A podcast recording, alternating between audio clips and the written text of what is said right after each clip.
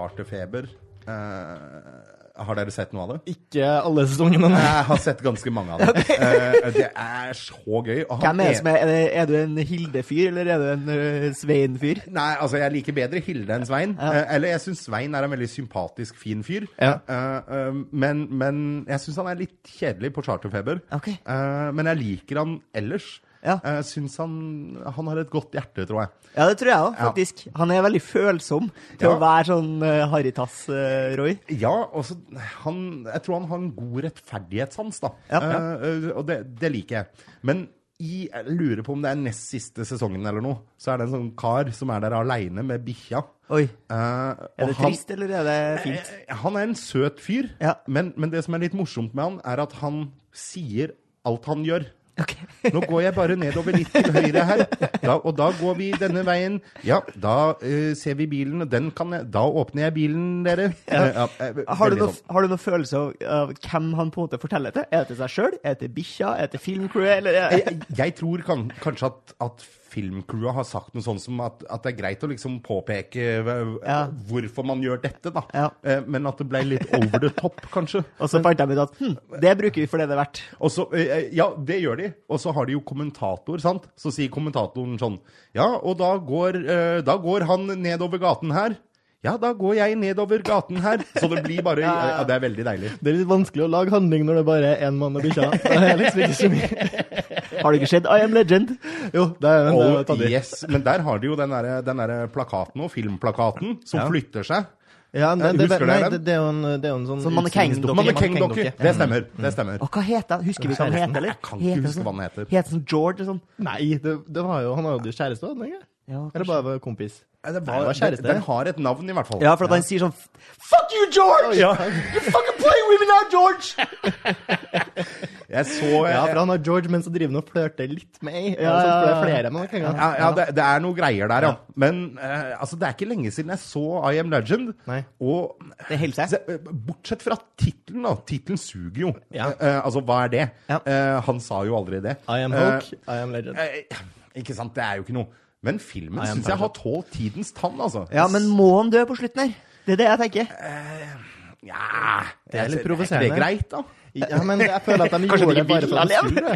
Må jo bare være lov å ta sitt eget liv. Ja, den er god. Jeg husker jeg så den. øh, Det, var en, det er en jumpscare der når de lukker igjen vinduet med sånn metallgreie. Dæven, jeg skvatt, ass. Fytti grisen. Og så er jeg også Jeg får utrolig frykt for de der øh, zombiene når de begynner å springe og skade seg sjøl. Ja. Jeg liker ikke når de er så fryktløse i selvskading. De bare slår hodet sitt inn mot en vegg. Det er sånn Slutt, slutt, slutt! slutt, slutt, slutt, slutt. Hvordan kan du vinne mot noe som er så redd for ikke, ikke nå redd for å tape? Det er bare ah. Ja, det er fint. Men uh, altså, jeg liker på en måte Altså, rammene rundt filmen liker jeg godt. Ja. Eh, der, og, og, og du har sett et par andre steder også som Har dere sett den som heter 30 Days of Night? Nei.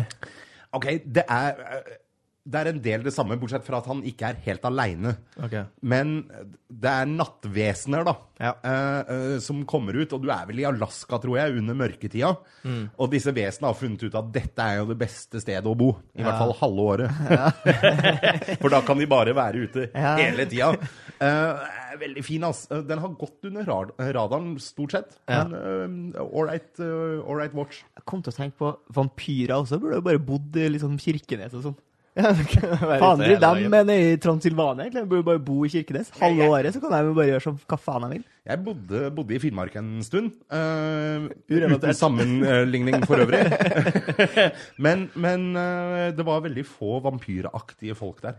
De var skremmende vanlige. Jeg hadde blitt gæren om jeg skulle bodd der oppe hele tida. I mørket? Ja, og med lyset. Altså Ja. på sommeren. Altså med liksom kronisk eh, flombelysning, da. Ja. Det er jo litt slitsomt. Men det, jeg føler det er lettere å stenge ut lyset og så ha naturlig mørke, enn det er å skape naturlig lys når du ikke har lys. Det, det er sant. Ja. Men ikke sant, jeg tenker sånn hver august, da, når du har hatt liksom sola hele tida, eh, og det nærmer seg august, og du er litt sånn lei av å sitte på Svaberg og banke halvlitere, liksom. Blir så aldri lei av å sitte på Svaberg og banke du halvlitere så vil du bare rett inn og se et eller annet trash da, på Ja. TV, og så er det alltid sånn stripe med lys over TV-en, Ja, ja. sånn at ikke du ser en dritt. Da, da blir jeg litt sur. Mm. Og tenk om det er sånn kronisk i tre-fire måneder, da. Ja. Nei, fy faen, det er slitsomt. Ja, da må du kjøpe deg blendingsgardiner. ja, og det er Ja, klart det. Jeg naila ikke eh, Finnmarkslivet, da. Eh, nei, jeg gjorde ikke det. Men det var, det var gøy å være der. Ja. Kunne ikke ha vært der for alltid. Velkommen forresten til Lars Taraldsen. Takk. Du er en eh, tidligere kollega har blitt, Det er riktig. i, i hovedsak journalist. I hovedsak journalist. I hovedsak journalist. Eh, Det visste jeg var en bra fyr før jeg møtte deg. Fordi så mange prata godt om det, og fordi jeg ble invitert til fest hos deg før jeg hadde møtt verken deg eller kjæresten din. Det, det visste jeg ikke. Jeg kom, jeg kom, jeg kom, jeg kom riktignok ikke på festen, for jeg var opptatt av. Jeg tror faktisk det krasja med festivalfesten din, Torgeir. Yes. Eh, For det var på våren.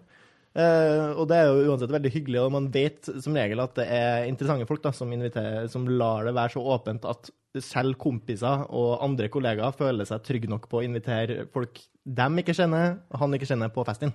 Men den festen du hadde eh, nå som Sebastian ble invitert til, som han ikke kom på, ble det en sånn ungdomsfest eh, som var før i tida, når liksom hele byen fikk nyss om at det var åpent hus, og folk kom og kasta TV-er fra balkongen og sånn? Eh, Det var, det var nok ikke så vilt, men, men det kom mye folk, og det var et stort spenn av folk. Ja. Det var fra 18 til nærmere 80, tenker jeg. Ja. Og da begynte vi eh, festen hjemme i den leiligheten som, eh, som jeg bodde i da.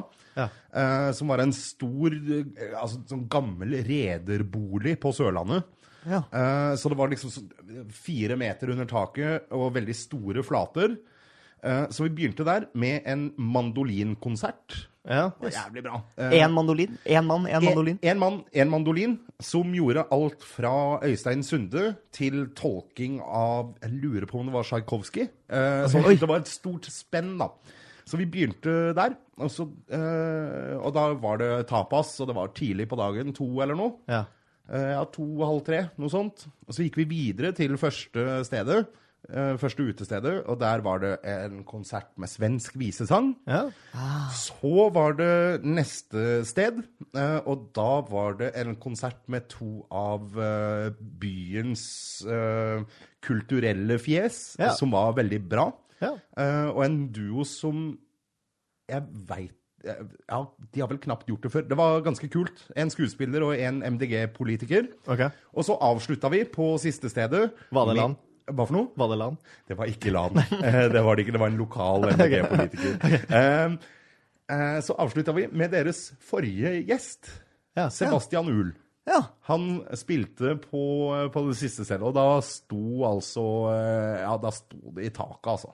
Jeg tenker Han er en, må være en jævlig kul fyr å ha spillende på et sånt På et arrangement.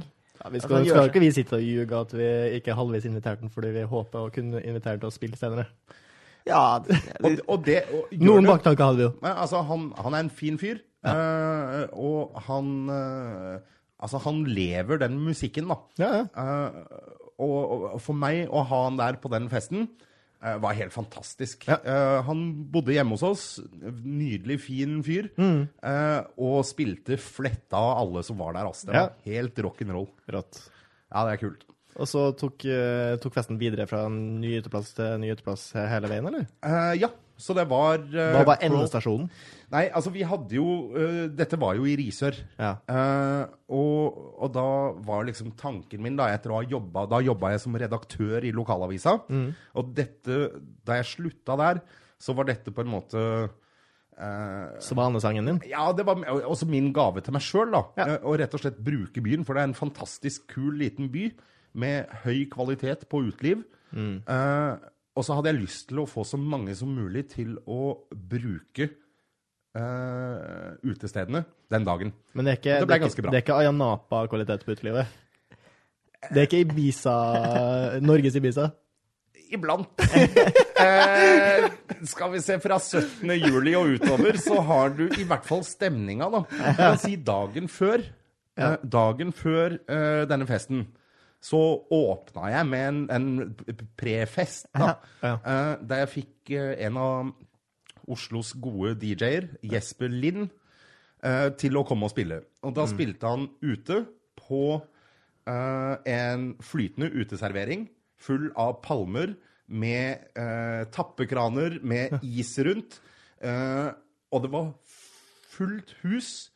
Og da var det Ibiza-stemning. Det var Det var Vil det minna om det. Vil du si at det var tropisk stemning? Ja, definitivt. Definitivt. Vi svetta av kaktuser, ass. Det var helt nydelig. Det kommer liksom ikke så veldig mye lenger sør enn Risør, kanskje? Er ikke det ganske langt sør? Jo, det, det er vel faktisk så langt eh, nord på Sørlandet du kommer. Å, Eh, fordi når du kommer kjørende, da eh, Give us a break, Lars. Vi er trøndere.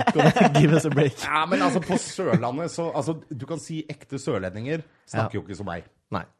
Eh, eller de gjør det, for jeg liker å kalle meg sjøl ekte sørlending. Men de som er liksom har bløde konsonanter Ja. Eh, ja, og skarring i r-ene. og skarring, de syns ikke jeg De syns jeg er mer Vestfold da, enn Sørlandet.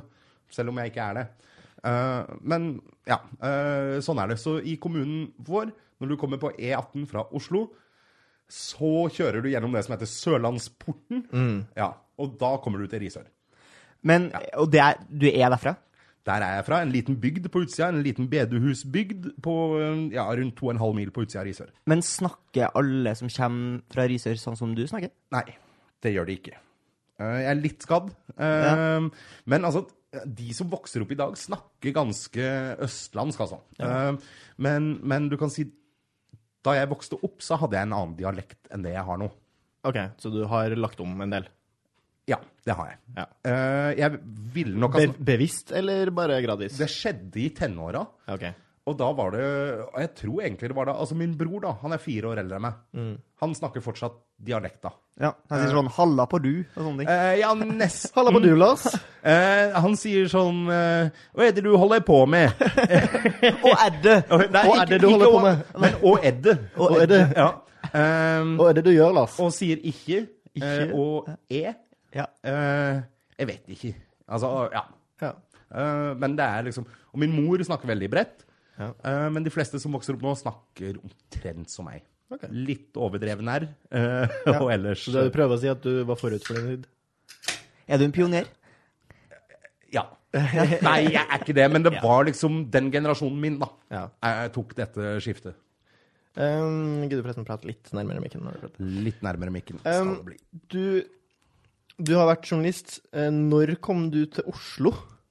Ja, godt spørsmål. Um, jeg hadde veldig lyst til, å, til Oslo Ja. uh, lenge, uh, men kom meg aldri hit. Nei. Så jeg hadde liksom vært Jeg var i Forsvaret her. Da var jeg 1920. I Garden, eller? Jeg var den heldige, heldige av dem som satt i bygget ved siden av Garden. Det som da het Forsvarets overkommando, som var på Huseby. Er det der eh, en bekjent av oss har eh, hatt samleie? Nei, for han sa at, den var på, sa at det var på Huseby. Ja, det var på Huseby, men, men Ja. Forsvarets overkommando flytta til festningen etterpå. Eh, men vi kunne da sitte, og da var vi det vi kalte kontorjegere, da, altså der du spi- spiste boller og drakk kaffe Ja. og gjorde ting. For det er ikke det jeg f- tenkte når jeg hørte en kontorjeger. Eh, hva tenkte du da? Da tenkte jeg en håndjeger på kontoret. Ja, ja det, det, det drev vi veldig lite med. Uh, vi, vi, hadde, gjør vi, hadde, å- vi hadde åpen dør-politikk, da. Det var før landskap og sånn, men ja, ja. uh, åpen dør-politikk. Men etter det så bar liksom turen overalt. Da var det liksom til Vestlandet for å studere, og så var det til Sørlandet for å jobbe. Nord-Norge for å jobbe, og så dro jeg til Dublin, og så dro jeg videre derfra til Bangkok, og så bodde jeg der i noen år. Og så tilbake igjen til, ja, til Nordland, og så Stavanger. Eh, og så endte jeg opp i Oslo. Og Nå det- hoppa, nå hoppa du fort. Hva, hva gjorde du i Dublin? der studerte jeg eh, siste året journalistikk, og så okay. var jeg litt frilanser. Men først og fremst så hadde jeg siste året med journalistikk der. Prøvde du ølen der nede, eller? Ja, det var, var innom så vidt. eh, ja, eh, gjorde et forsøk. Fikk Det- smakt. Du, det var en god del Guinness, altså. Det var det. Eh, og så fikk jeg smaken eh, for eh, bitter sider. Eh, Ja, ikke sant. Og det var jo Strongbow? Nei. Eh, Ja, Strongbow eh, en god del, og Magners Ja, spesielt. Eh, Og så i etter, ettertid så har jo jeg blitt glad i Bulmers, men det var Magners de gikk i da jeg var der. Bulmersen er litt søtere, tenker jeg. Ja, men den er fortsatt Den har Ganske tørr. Ja, Ja. den er det. Den er, den er fin. Jeg liker den godt. Den gule. Og så Bangkok. Så Bangkok. Eh, et par år tidligere hadde jeg liksom reist en del rundt i Sørøst-Asia. Mhm. Eh, Backpacker-aktig. ja, ja. Um, Fordi du hadde sett filmen med Leonardo DiCaprio? Nei, den så jeg, men den viste de på den ene sjappa der jeg bodde, så viste de den hver dag. Hver dag viste de den. Den gikk alltid der. Har, det, vet du hva, det, det kan jeg ikke si hvor eh, mye jeg setter pris på sånne folk som liksom viser det samme hver dag. Det er megarått. Det, det, er så bra. Og så er det en, eh, er en nydelig forretningsidé, da. For dette stedet var jo på en måte Ja, én ting var at det var populært før filmen, men etter filmen tok det jo helt av. Og når du kom dit, ja vel, så er det et sted som spiller den filmen, da. Du behøver ikke gå ut og se engang åssen det ser ut her du er. Du kan bare se filmen. Det er fint. Absolutt fint. Sitte i baren. Men eh, hva gjorde du utover det i Altså, hvorfor kom du til Bangkok? Du har vært og reist der før, og nå kom du til Bangkok og Da begynte jeg å studere. I eh, Bangkok. I Bangkok. Tok eh, to år på et masterstudie der. Det vil si jeg tok ett år og 20 måneder, tenker jeg. Eh, eh, 20 måneder, mente jeg. Ja. Ja. Eh, eh, så jeg slutta rett før masteren var i boks. Eh, men jeg studerte sørøstasiatiske studier, hovedsakelig eh, internasjonal migrasjon. Eh, først og fremst ulovlig eh, innvandring fra Myanmar til Thailand. Er det et Ja. problem? Eh, Det er et problem at den er ulovlig. Ok, ja. Eh, Problemet er jo også at de fra Myanmar føler at de må flykte fra landet sitt. Det har jo blitt Ja, et ja, ja, eh, eh, realt men det- vepsebol. Det er noe som skjer. Det er mange som drar fra Myanmar til Thailand. Ja, det er det. Og øh, noen er heldige, noen er uheldige. Men for eksempel, altså det er jo mye menneskehandel Ja. øh, av typen Ok, greit, vi smugler deg ut fra Myanmar, så skal du få en jobb i Thailand, og alt blir bra. Og så kommer de, og så blir de satt ut på en fiskebåt, og så er de kanskje der ute i tre, fire, fem år før de er på land igjen. Hvis de skulle forulykke da, eller dø om bord, så bare blir de pælma over bord og driver inn på strender og eh, Altså, det er bekmørkt, da. Eh, Ja. Altså, det er så mørkt. Eh, og så har du andre, sånn som der eh, Altså, der jeg var og altså fulgte med da, og gjorde liksom field researchen min, det var nord i, i Thailand. Og da var det eh, Altså, du kan si Myanmar er delt opp i mange stater. Eh, og en av statene, som var, het Shan-staten, eh, grensa mot Chiang Mai i eh, Nord-Thailand. Eh, Shan-staten var ikke godt likt av det daværende militære styret. Eh, og folk blei ble voldtatt og drept, og landsbyer ble brent ned, og det var ganske Det var stygt. Så de rømte over, eh, over grensa, eh, og bodde ulovlig der. Gjerne steder der du ikke fikk eh, øye på dem. Inne i appelsinplantasjer og ja. Eh, og så var jeg en del av et prosjekt der sånn som, eh, som bygde opp eh, skoler eh, for ulovlige eh, innvandrere. eh, og som sørga for at de fikk helsetilbud, da. Mm. så da måtte du ha leger som var villige til å ta den risken. Eh, men ja. eh, så det studerte jeg en stund. Var du innom eh, og besøkte baren til Nissa Nyberget? Eh, han har starta bar i Thailand. Det var jeg. Det var det! Nei, i alle hellig himmel! Uh, der var jeg tre ganger. Uh, Swing eller jeg, kan, jeg kan ikke huske hva stedet het. Eh, men, men jeg var der. Det du var- husker tinsongen? Du Nå er det julemorgen, altså, ja, og, der, ja, og, der, og der har du navnet på barn. Julemorgen. Ja, det, det, det er sikkert den. Den, eh, det, det var veldig ålreit. Møtte han et par ganger. Ja. Veldig trivelig fyr. Eh, og, eh, men Det er jo altså alt det han har bygd karrieren sin på. Ja. Å være en trivelig fyr. det, det er riktig. Det er jo bare at det høres fort ikke så trivelig ut å starte bar i Thailand. Altså, du kan si det Det har en del fordommer med seg. Det har du. Uh, og når det er sagt, så starta han bar på rett sted. Mm. Uh, vil jeg si-? Eh, eh, eh, nei, det, det er i Tyrkia. Oh, ja. Nei, hva heter det? Pattaya? Eh, det var ikke i Pattaya. Okay. Eh, når jeg sier rett sted, så sier jeg i hvert fall rettere sted enn mange andre gjør. For det er mange starter det i Pattaya. Ja. Der følger, i hvert fall for oss som har vært en del i Sørøst-Asia, da, så følger det med litt fordommer eh, mot det. Fordi det er, det er ganske stygt, mye av det som skjer der. Ja, det er jo skittent. Menneskehandel, eh, horeri, Ja. eh, kriminelle miljøer Ja. osv. osv. osv. Nissa eh, Alt der det kommer penger fra utlandet og inn i, Inn i skitne lovbrudd. Ja, ja det, det har vært eh, Vil du si at det er ukristelig til tider i Pattaya?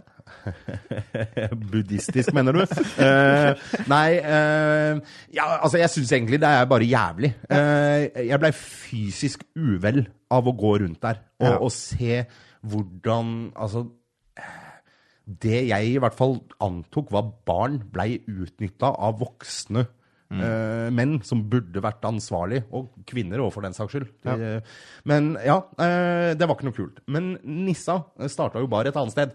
Uh, og det var jo et sted som jeg sannsynligvis ikke hadde dratt til hvis ikke mine foreldre var på besøk. Eh, et sted som heter Cha Am, som er veldig sånn Det er veldig vestligvennlig, eh, men uten at det er skittent. Uten Ja. at det er den, eh, den sexturismen og det, da. Den Men- har, men du- de, men den har ikke de beste Red Light-distriktene, heldigvis. men du får kjøpt VG, eh, Ja. og du kan eh, spise ribbe eh, hvis du vil. Eh, men du får også veldig mye god thaimat. Og eh, det var et bra sted. Jeg var innom plassen hans, og det var liksom eh, basert på musikk. Eh, og det var kult. Det var live musikk der, i hvert fall hver gang jeg var der. Det var hyggelig. Men, hadde Nissa også starta den baren her etter han så filmen med Leonardo DiCaprio? Eh, jeg antar at det kanskje var noe annet. Jeg, jeg, jeg syns kanskje du skal spørre han om det. Ja. Den. Men, men det var hyggelig. Det var, det var et spørsmål jeg ikke hadde forberedt meg på. Nei, det, det kan jeg. Jeg hadde ikke, for, jeg hadde ikke forventa å få et så positivt svar. Heldigvis var det bare et ja-nei-spørsmål. Ja, og det, det naila jeg. Men uh, apropos Østen, så har jeg også hørt uh, buddhist-Munch blitt nevnt i samme setning som uh, Lars. Eh, ja. Hvorfor det? Ja det, Nei, det var jo egentlig en tilfeldighet, da. Eh, jeg endte, endte opp eh, Da min daværende samboer skulle på en studietur til Filippinene over en ganske god periode, så uh, valgte jeg å dra uh, til et tempel nord i Thailand. Eh, jeg så en annonse, faktisk, så jeg er jo litt sånn, jeg blir jo litt, uh, litt påvirka av, eh, av annonser. Og du kan jo si eh, Det kan vi jo snakke mer om seinere. men, men det går jo litt inn i faget vårt også. Eh, men eh, jeg så en annonse der du kunne bo sammen eh, med munker og se hvordan de levde. Da jeg så den første gang, så tenkte jeg ikke noe særlig mer over det. Men så hadde jeg et fag på skolen som het thai-buddhisme. Og jeg syns det var ganske spennende. Så jeg tenkte ja vel, nå drar hun en stund. Eh, Så dro jeg dit. eh, Og skulle vel være der i utgangspunktet ei uke eller to. Og bare liksom se hvordan livet var. Lære mer om buddhismen. Da var det liksom lagt opp sånn at klokka eh, Klokka seks så var det liksom mat. Eh, klokka åtte så var det to timer med undervisning i liksom moderne thai-buddhisme. Eh, og så var du med på type chanting og ja, religiøse ritualer og sånn, da. Um, og det var jævla deilig å være der. Eh, altså, dette var, var deilig og rart. Mer behagelig enn militæret. Uh, ja, uh, det var det. Men altså, jeg la meg jo klokka ni på kvelden, da. Åtte-ni på kvelden. Uh, og så sto jeg opp i tretida på natta. Eh, og da var, det veldig, da var det veldig fint. Da var det et lite bibliotek. Engelsk, eller det var et lite skur med noen bøker. eh, og en eh, slags kaffemaskin. eh, der du kunne få Det var varmt vann, og så var det kaffepulver og melk og litt forskjellig. Og masse bøker. Så da pleide jeg å sitte på utsida, og det var den deiligste tida på døgnet. For at eh, det, var liksom, det var ikke 43 grader. Nei, det var svalt. Ja, det var deilig. Så kunne jeg sitte der eh, i, med kubbelys på utsida og lese bøker, da. Eh, og det var eh, utrolig fint. Eh, og så, i, sånn i femtida, så begynte resten av liksom tempelet å våkne. Uh, Bikkjer eh, som jeg var livredd for da jeg flytta inn, og som jeg elska da jeg dro. Eh, Men det var det sånn stray dogs. ja, som, uh, som han som uh, var sjef, eller Ebbe, da, i tempelet, uh, valgte å ta vare på. Ja. Han var opptatt av liksom at vi mater dyr med maten vi ikke spiser sjøl. Ja. Ja. Eh, og om det er fugler eller slanger eller bikkjer eller hva det er, spilte ikke så stor rolle. Men Heller det- enn at mannen skal gå til spille, på en måte. ja. Og Så det bodde åtte-ti bikkjer der, da, hele tida. Um, og den ene ble, er en fin kjærlighetshistorie mellom meg og en hund. Uh, etter å ha vært livredd for hunder hele livet mitt, så møter jeg da denne som heter Chicken Killer, fordi den eh, pleide å bryte seg inn hos naboen og så ta og bite huet av, av, Ja. av, av kyllingene. Eh, men den, den var så Jeg veit da fader, jeg. Den var skitten og ruskete og rar. Ja. Men den fulgte etter meg overalt.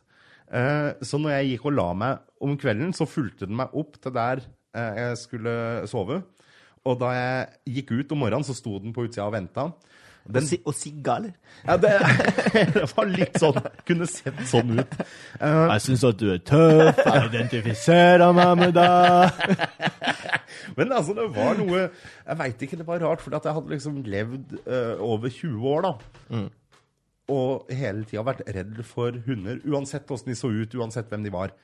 Eh, kom Ikke de små dritthundene som de Ja, har men jeg syns de er de verste. Så, Nei, det er jo ikke Ja, men det- verste. ja, men da er jeg ikke redd for- er ikke redd for de. Jeg er ikke redd for de, men jeg er redd for lyden av de. Fordi okay. de lager så jævlig Altså, men altså du veit åssen det er. Altså, de er jo Og de holder jo ikke kjeft. Eh, så, så du kan si frykten er på flere nivåer, da. Men eh, dette var ferdig eh, etter dette oppholdet her, sånn. Og det var veldig fint. Eh, jo da, eh, så endte jeg med å være der en stund. Uh, og så, uh, på et tidspunkt, så spør de at nå har du vært her en stund. Uh, du Skal vi ta håret ditt? Ja. Skal vi ta øyebryna dine? Skal vi ordinere deg som munk? Så sa jeg Mm. ja, kom igjen. Um, og så var jeg der en periode. Uh, jeg skulle jo tilbake igjen på skolen. Dette var jo ferien min på, Ja. på skolen. Feriekoloni. Uh, en, en litt sånn for, for viderekommende, kanskje. Uh, og så dro jeg derfra. Uh, og jeg Men hvor, hvor lenge var du der som indoktrinert Munch-aktig? da? Nei, det var ikke så lenge. Altså snauskalle? Eh, som snauskalle. altså Det verste var jo ikke, egentlig ikke håret, men det var Øyebryna. Fordi, og i hvert fall når det er 40 grader, for det øyebryna gjør, stopper svetten fra å komme ned i øynene dine. Og når du tar bort det, og det er 43 grader, og du er som meg, da, altså den Ja. største mannen i Asia, ja. så kommer det gjerne en dråpe eller to. Ja. Uh, og Kan jeg rasistisk spørre deg om du fikk smalere øyne av å være der? ja, det kan du spørre om. Eh, det eh, For du på en måte kniper igjen for ikke å få dem? Eh, det, eh, jeg veit ikke. Nei. Jeg har ikke tenkt noe på det. Eh, nei da, men det, det var nydelig. Så uh, jeg veit da fader hvor lenge jeg var der uh, til sammen. Det var ikke så lenge som ordinert munk. Men jeg var der jo en stund, og det var jo der jeg også var ute i disse appelsinplantasjene og hjalp eh, hjalp kids da med å lære engelsk. Og, eh, og de gjorde jo ganske spektakulære ting, de eh, munkene som var eldre enn meg. da. Altså, De dro jo til fots til Burma og smugla inn burmesiske eh, munker over, lærte dem grunnleggende økonomi, eh, grunnleggende organisasjonskunnskap, eh, og tok dem tilbake igjen, sånn at de kunne lære det til Ja. Hva For noen elitemunker du bodde med? Hva for noe? For noen elitebun- elitemunker du bodde med? Altså, det var uh, Elitemunk. Det var, han var rik. Ja. Eh, eller det vil si at tempelet hans var ganske rikt. Og de gjorde, gjorde ganske kule ting. Bygde sjukehus. Men, men hadde, hadde på en måte lokalbefolkning og også kriminelle had- Hadde man respekt for Munkan? Mm. Ja? Ja. Selv kriminelle på en måte tenkte ok, vi, vi gidder ikke å kødde med Munkan-aktig? Ja. Ja. Det, det har jeg aldri sett. Nei. Eh, du kan si at, eh, at Men man, er, men man er fortsatt redd for grensevakta på en måte når man smugler folk, regner jeg med? Eh, ja. Ja. Jo da, og det, og det skulle man jo ikke gjøre. Så du kan si dette var jo eh, det religiøse opprøret, da. Eh, Altså som eh, Og det er der på en måte min respekt for religion kommer inn. Når du tror så sterkt på å hjelpe folk som åpenbart er i nød, at du setter deg sjøl så eh, At du risikerer noe for det du tror på. Eh, og nå skal jeg ikke si at jeg respekterer alle som gjør ting for det de tror på, men når jeg syns det er den gode sak, Ja. Ja. og de tør å gjøre det jeg ikke tør å gjøre, Ja. fordi de tror på noe, Ja. det er ganske kult. Kan du ta til det godeste Stålsett nå, da. Jo da. Eh, altså, jo, men ikke sant, for å ta det, ta det hjem, da. Så kan du si greit, han tror på noe, han er sivilt ulydig. Jeg har respekt for det. Ja. Ta Stålsett-historien kort for eh, alle som ikke kan den, inkludert meg sjøl. Eh, har ans... Jeg kan den ikke i detalj. Uh, I korte trekk så har han vel uh, ansatt en som har vært her ulovlig. Eh, og eh, risikerer nå fengsel for det. Det gjør. Ja. Så. Men nå har jeg jo fått med meg at det var Altså, nå i det siste har det vært litt sånn raserensing i Myanmar. Ja, Jeg vet ikke hvor mye du er inne i den. Uh... Jeg er ikke Altså, hadde du spurt meg for uh, sju år siden, så kunne jeg ha fortalt Myanmars på en måte tilstand veldig godt. Ja. For da jobba jeg mye med det. Eh, det var Altså, det er jo rohingyaene, da, som det har vært mye snakk om i det siste. Ja, og det er vel de muslimske Ja, det- av det er den myanmarske befolkningen. Og der kan du jo si at De blir da forfulgt av statsmakta og folket. Ja, og, og nesten verden, vil, jeg, vil jeg si. Ja. Eh, det har vært veldig lite sympati og hjelp til dem. Ja. Eh, og det var det også Altså, da jeg studerte, så var jo fortsatt Aung San Suu Kyi eh, sett på som en lovløs der. ja. Den gamle nobelprisvinneren. Yes. Eh, nå er jo Nå har jo det snudd. Men hun blir jo fortsatt sterkt kritisert for hennes møte med rohingyaene. Ja. Uh, og hjemme i hjembyen min i Risør så holder det en bedrift til uh, som heter Aktive fredsreiser, Ja. som uh, hadde si, sitt utspring i det som het Hvite busser, som kjørte skoleelever til Polen og Tyskland, eh, til konsentrasjonsleirene. Hun som starta det, er fra Risør. Eh, hun har et fredssenter der med et eh, bilde av Aung San Suu Kyi, som hun nå har snudd. Og det er en ganske sterk greie fra en som hele uh, sitt voksne liv har jobba med fred, og som har hatt henne som et idol, som nå sier at det som skjer nå, er så stygt at jeg kan ikke se på det. Nei. Eh, Det være litt trist at uh, helten din, uh, som på en måte har vært inspirasjonen for mye av det du gjør, plutselig mister den respekten du har, da. Mm. Ja, det den, tror jeg er trist. Det må være veldig trist. Det, og så er det noe med altså, I hvert fall når du har altså, du har hatt en veldig sterk stemme sjøl, og du har valgt å, å henge opp bilder av, av dem som du har holdt høyest da, for kanskje den vanskeligste jobben i verden, å lage fred. Og så velge å snu det, er, ja, det, er, det tror jeg er vanskelig. vanskelig. Folk snur jo fortsatt platene til Michael Jackson også. Det gjør det. Det er kanskje for å høre B-sida. Ja, ikke sant? Hva med R. Kelly? Snur man de platene? Ja, eventuelt alle de låtene R. Kelly har spilt. Jeg husker ikke hvilket program det var, men det var et eller annet program um, jeg så på TV i eh, beste familietid. Jo, herregud, det er jo det der eh, Hva heter det NRK-programmet? Det er sånn halvt og gode syngere eh, som tar hver Bit for hvert bit, tema hver gang. tone. Nei, de samler en sånn ti musikere, og så tar de én låt. Stjernekamp. Stjernekamp. Da tror jeg jeg så at den ene personen sang en Whitney Houston-sang. Og når Whitney, og den Whitney Houston-sangen var jo skrevet av R. Kelly, så kom på en måte R. Kelly under written by R. Kelly. Og det er liksom sånn, ja, det går jo bare hus forbi, men han, altså, han er jo en flink musiker. Det kan ingen ta fra han. Klart. Har du Eh, sett uh, In The Closet av R. Kelly? Nei. En, altså, for Herregud. alle som hører på, eh, finn fram penn og papir. Det her, eh, nå er lørdagskvelden ridda. Han, eh, jeg lurer på om det var på 2000-tallet en gang, så bestemte R. Kelly seg for at han skulle lage en musikkvideo-såpeserie. så han har laga 30 episoder eh, som er musikkvideo, som går på samme melodien, som er litt sånn eh, et slags såpedrama. da. Eh, Der første episode er at han eh, ligger med ei dame, og så kommer da kjæresten hjem, og han gjemmer seg i skapstålen inni skapet og, og rapper. Eh, South Park har også laga en eh, slags parodi på det. Å, dette hørtes bekmørkt ut. Det er ganske mørkt. Eh, ja, Men ikke like mørkt som det han holder med på med ellers. Eh, jeg, jeg så det der uh, 'Surviving R. Kelly' her for en stund siden. Eh, og det er eh, Altså, det er sånn jeg føler eh, Du veit når du har spist banan og du får et sånn tjukt belegg over tennene? Sånn følte jeg he hele meg var etter å ha sett det. Det var, det var ganske mørkt. Jeg jobba jo i, jeg i NRK da det ble kjent sist gang eh, at R. Kelly var overgrepsmann. Det har jo skjedd eh, flere ganger.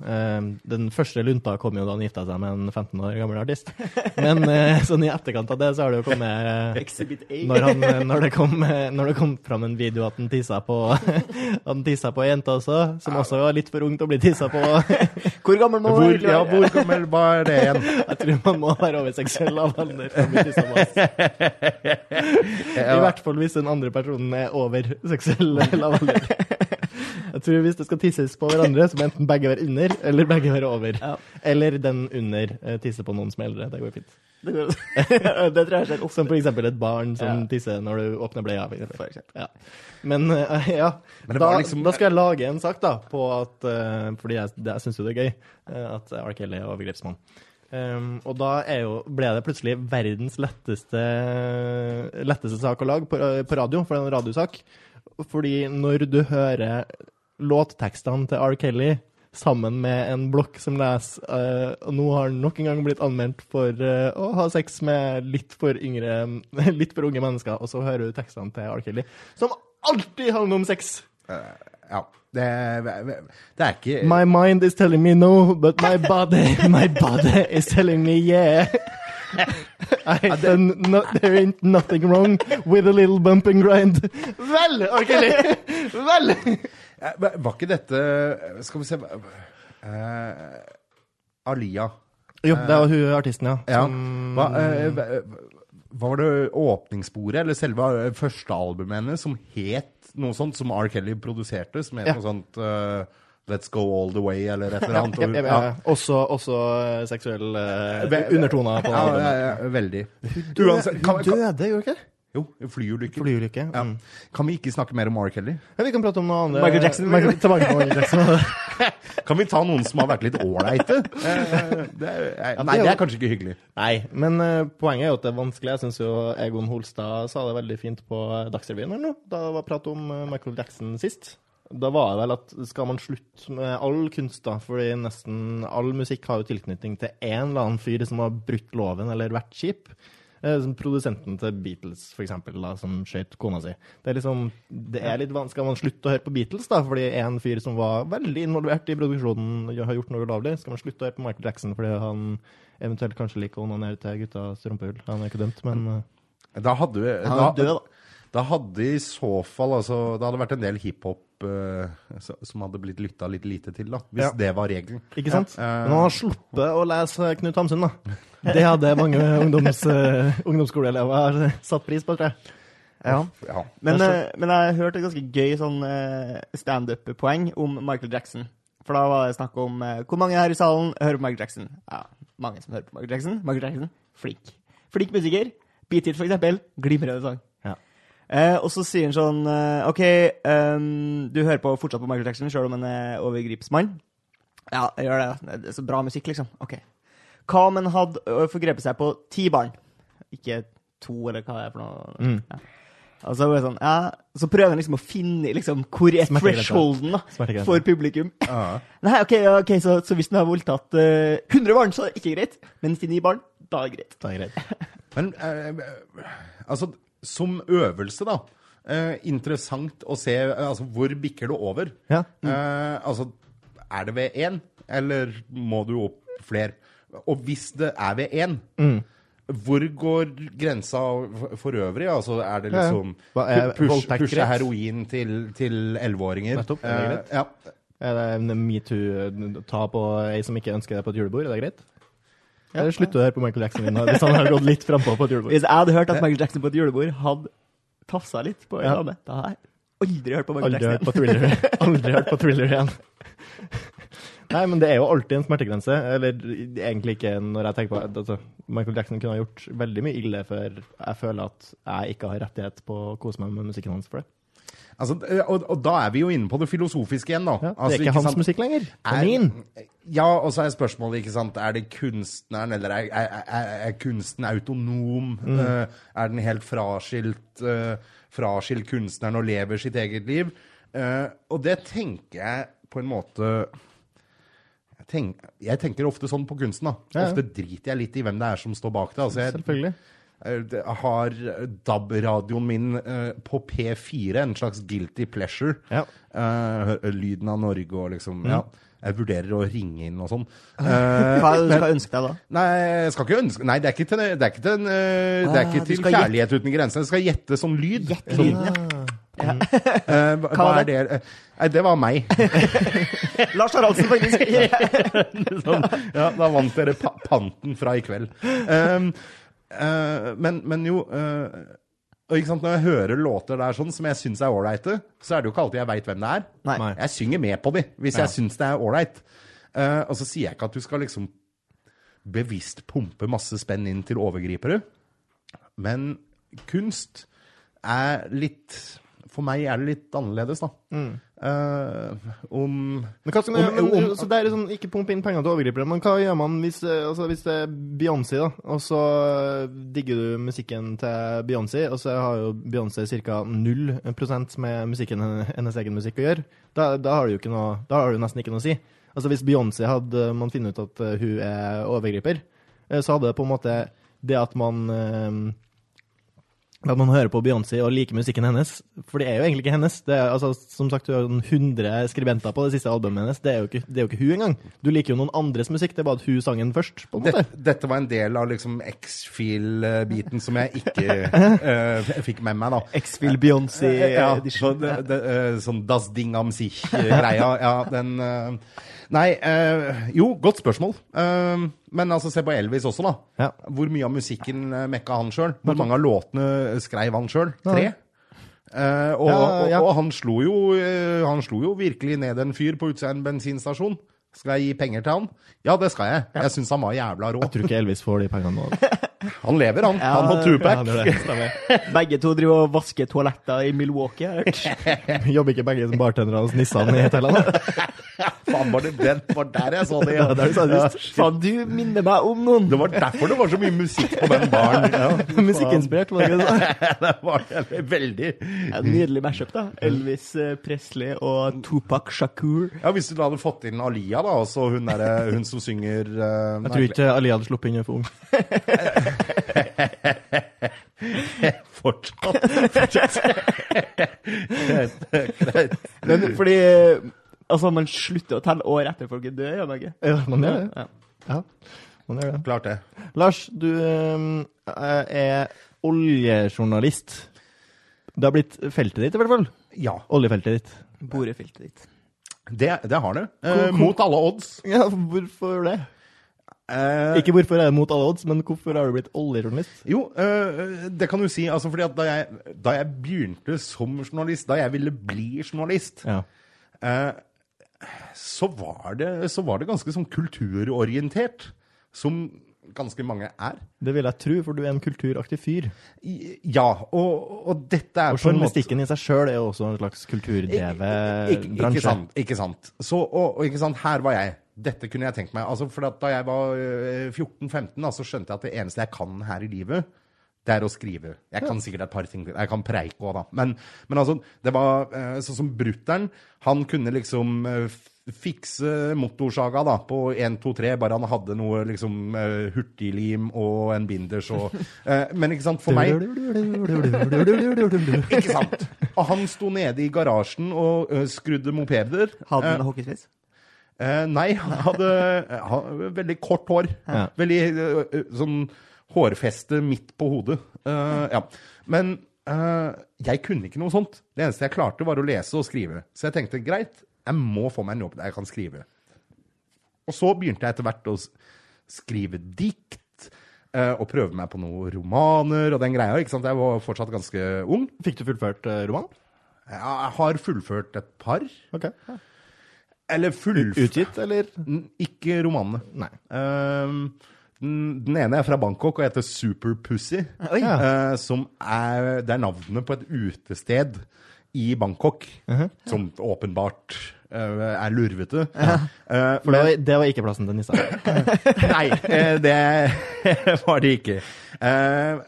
En roman som tok for seg en nordmann på flukt. Ikke meg. Og heller ikke ment som et skyggeportrett av meg sjøl.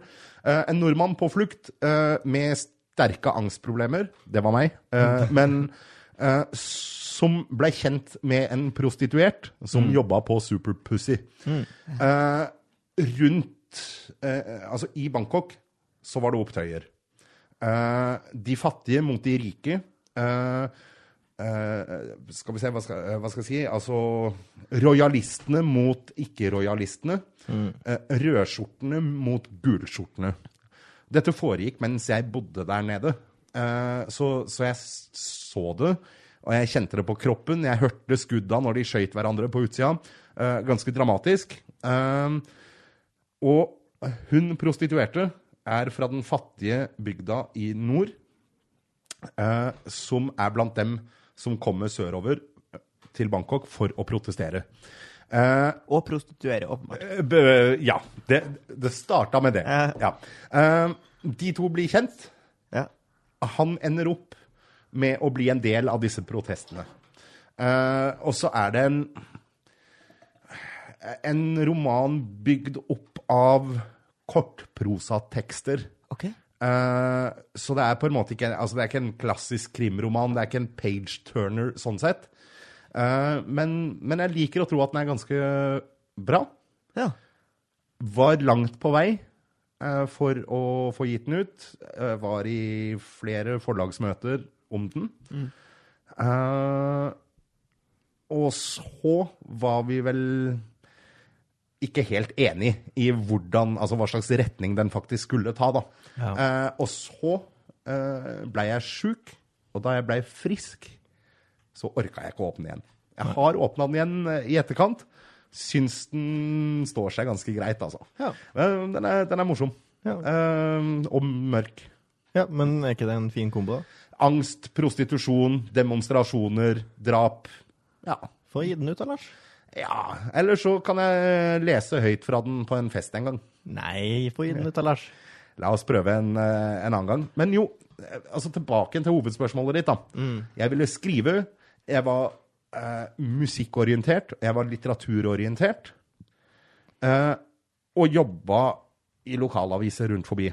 På et tidspunkt så fant jeg ut at Hva om alt av dette kulturgreiene som jeg er så jævlig glad i, bare skal bli jobben min? Vil jeg ikke da bli jævlig lei av det? Og så tenkte jeg, la meg, la meg prøve noe som jeg ikke kan noe om. Jeg kunne ingenting om oljebransjen. Så dukka det opp en ledig jobb i Stavanger som oljejournalist i en liten nettside der. eh, petro.no. Så Ja, søkte Petro. jeg der, eh, og fikk jobben. Eh, og noe av bakgrunnen var jo at jeg tenkte at dette er det kjedeligste jeg veit om. Ja.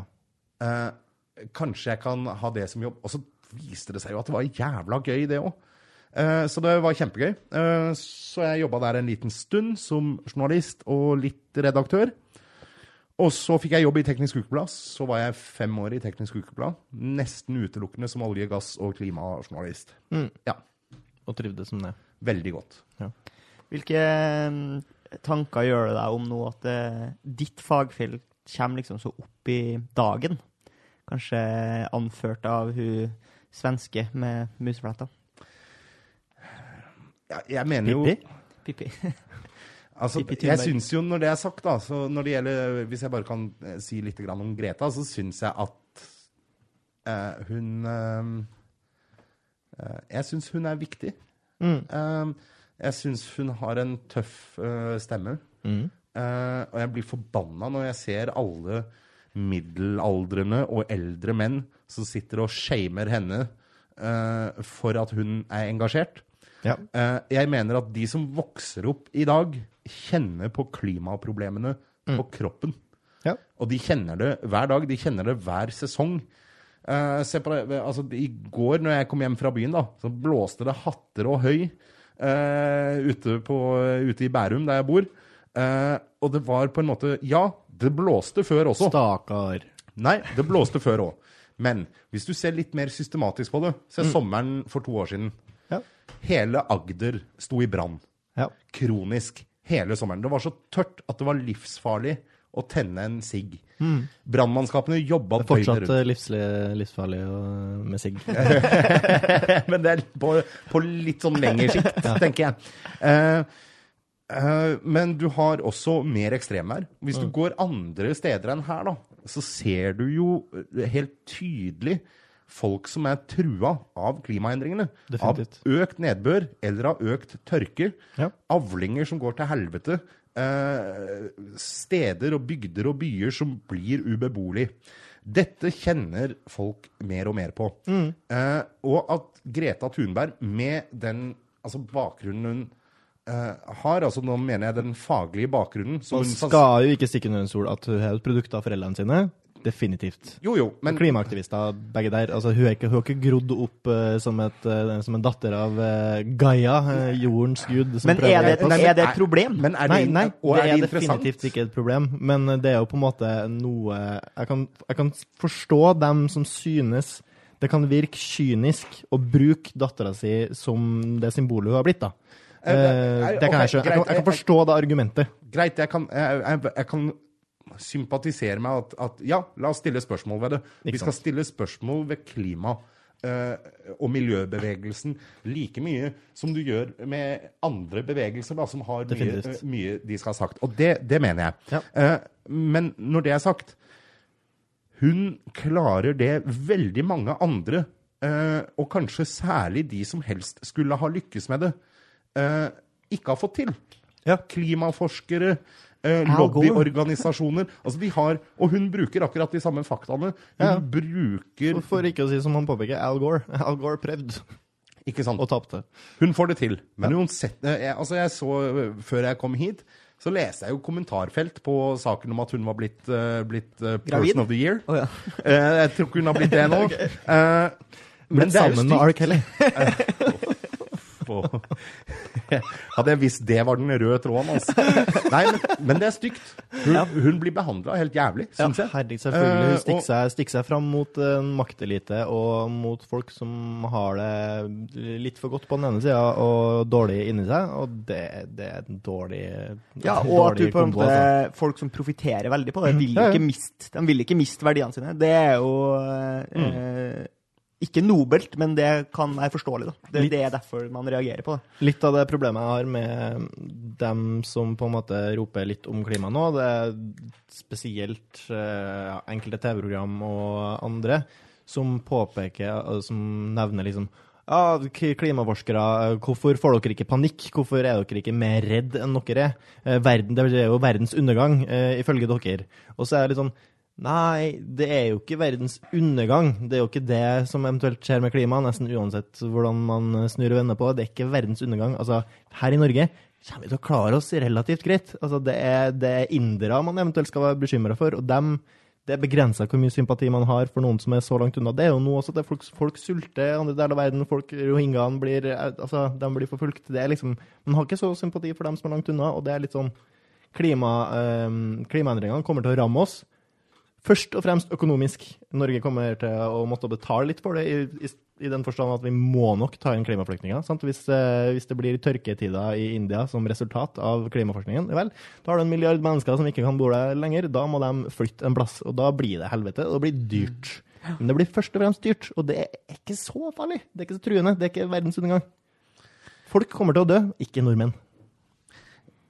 I, I og for seg sant, men, men altså, what the fuck, da? Altså, Ja, ja. Hvorfor skal vi ikke bry oss om det? Jeg mener uh, OK, det blir eh, Jeg bryr meg jo til en viss grad, men jeg kommer fortsatt Jeg- mest sannsynlig til å ta fly hjem, eh, eller ja. jeg, jeg skal la ranten min på det ligge. Nei, men gjerne gjør det.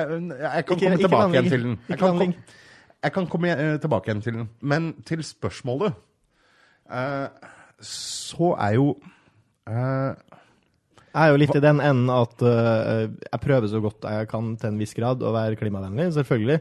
Men jeg vet også at uh, uansett hva jeg gjør, så har ikke det noe å si så lenge vi ikke er blueshell eller one percenters-aktig. sant?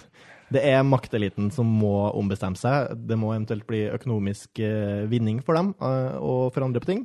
Hvis ikke så har vi ikke sjans. Det, det er dem som styrer valgene og alt. Eh, det er- Uten å være konspiratorisk. Det er, sånn er det. Jo. eh, De med makt vil ikke at ting skal forandre seg. Jeg, eh, jeg ser hva du mener, men jeg mener også at hvis ikke det er en grasrotbevegelse da, på dette, så vil i hvert fall ikke eliten gjøre noe.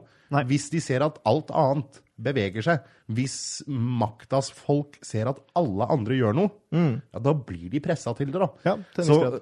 Så jeg syns Og, og ikke sant, jeg, jeg hører folk som, som sier sånn Ja, nei, Norge står for så lite av ut, utslipp og Det er eh, jo bullshit. Vi, vi selger jo narkotika, vi. Det er det vi gjør. Vi ja, altså hvis du, hvis du tar, hvis du tar uh, olja når den brennes, da, i Ja. de markene der den brennes, og ser på utslippa da, altså hvor mye utslipp eksporterer vi? Eh, Og så er det litt kjipt når vi er det fremste eksempelet på noen som faktisk ikke trenger Vi, vi trenger ikke mer nå. Vi har mer enn nok penger til å gjøre andre muligheter. Vi trenger ikke å selge mer olje.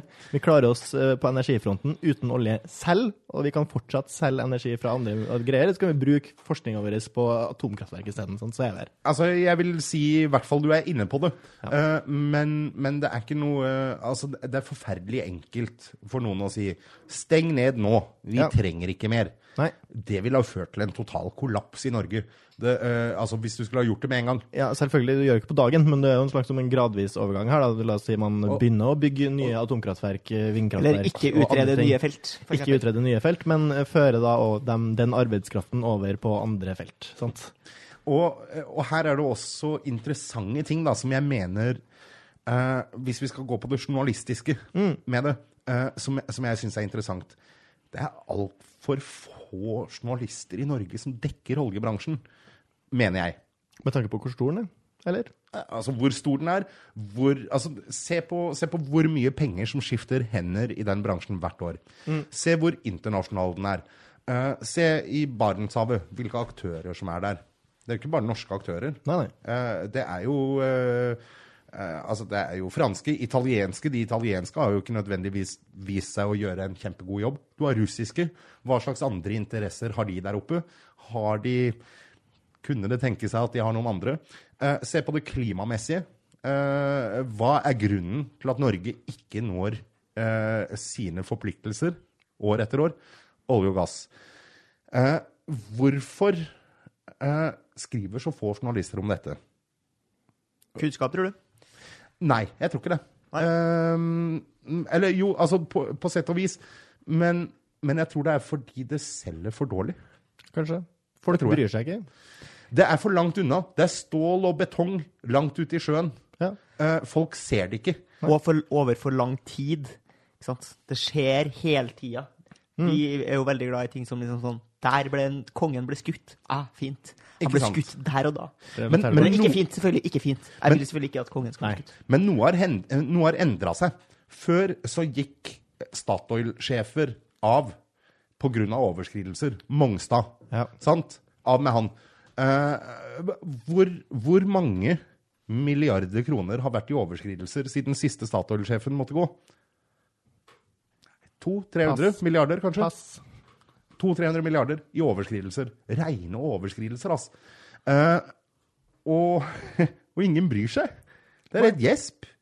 Eh, og så skal folk kjefte fordi Nei, vet du hva det, det, også, men, men så er det spørsmålet, ikke sant? noen i staten har litt for høy lønn, og det skal bare Vi, vi går videre. Eh, eh, så, så, smile si ja. Eh, eh, men ja, til en viss grad kunnskap også. Du sier, ok, eller veldig mange da, sier, vi har funnet mer enn nok. Vi har mer enn nok olje Ja. i verden. Men hva om den olja er så energikrevende og vanskelig å få ut, at hvis du gjør den, så er den skadelig. Se på oljesanden i Canada, eksempel. Så la oss si at et selskap går ut og leiter eksempel på norsk side av Nordsjøen, og finner eksempel Johan Sverdrup. Som, ja, du kan si at når den brennes av, eh, ganske ille, men selve produksjonen av den, ja, den er mye bedre. Den er så lett og god, den olja. Ja. Veldig lite som Men den pumpes jo ikke opp for at den ikke skal brenne, Lars. Uh, nei, det er sant. Jo, jo, men ikke sant? poenget er greit hvis vi har funnet det vi trenger. Kan Ja. vi bytte ut oljesanden i Canada med den lette olja? Det er jo det som er argumentet fra oljebransjen ofte. Jo, jo, det olje er dårlig, men vi har i hvert fall den beste oljen. Og det er litt sånn Jo, jo, eh, du kan til, greit, du er ikke den verste massemorderen, du dreper bare litt færre, men det gjør det jo ikke greit for det. I hvert fall ikke når vi har alternativ, for vi har alternativ. OK? Det er det som i mine øyne er så teit. Når vi Men, altså, se, men, men, men ikke sant, du kan jo ta dette da, altså på, la oss si, på alt det du, altså, ikke bruker olja til å brenne den av da, men du må jo ha olje til noen andre ting, Ja, til å lage plastikk, da. for eksempel. Ja, til en viss grad, men der har vi allerede uh, altså, Det høres jo kanskje, industri, industri høres sånn. kanskje naivt ut, men vi har jo nok plast, har vi ikke det? Har vi ikke nok plast? Kan vi ikke smelte om den plasten vi har? Klart det.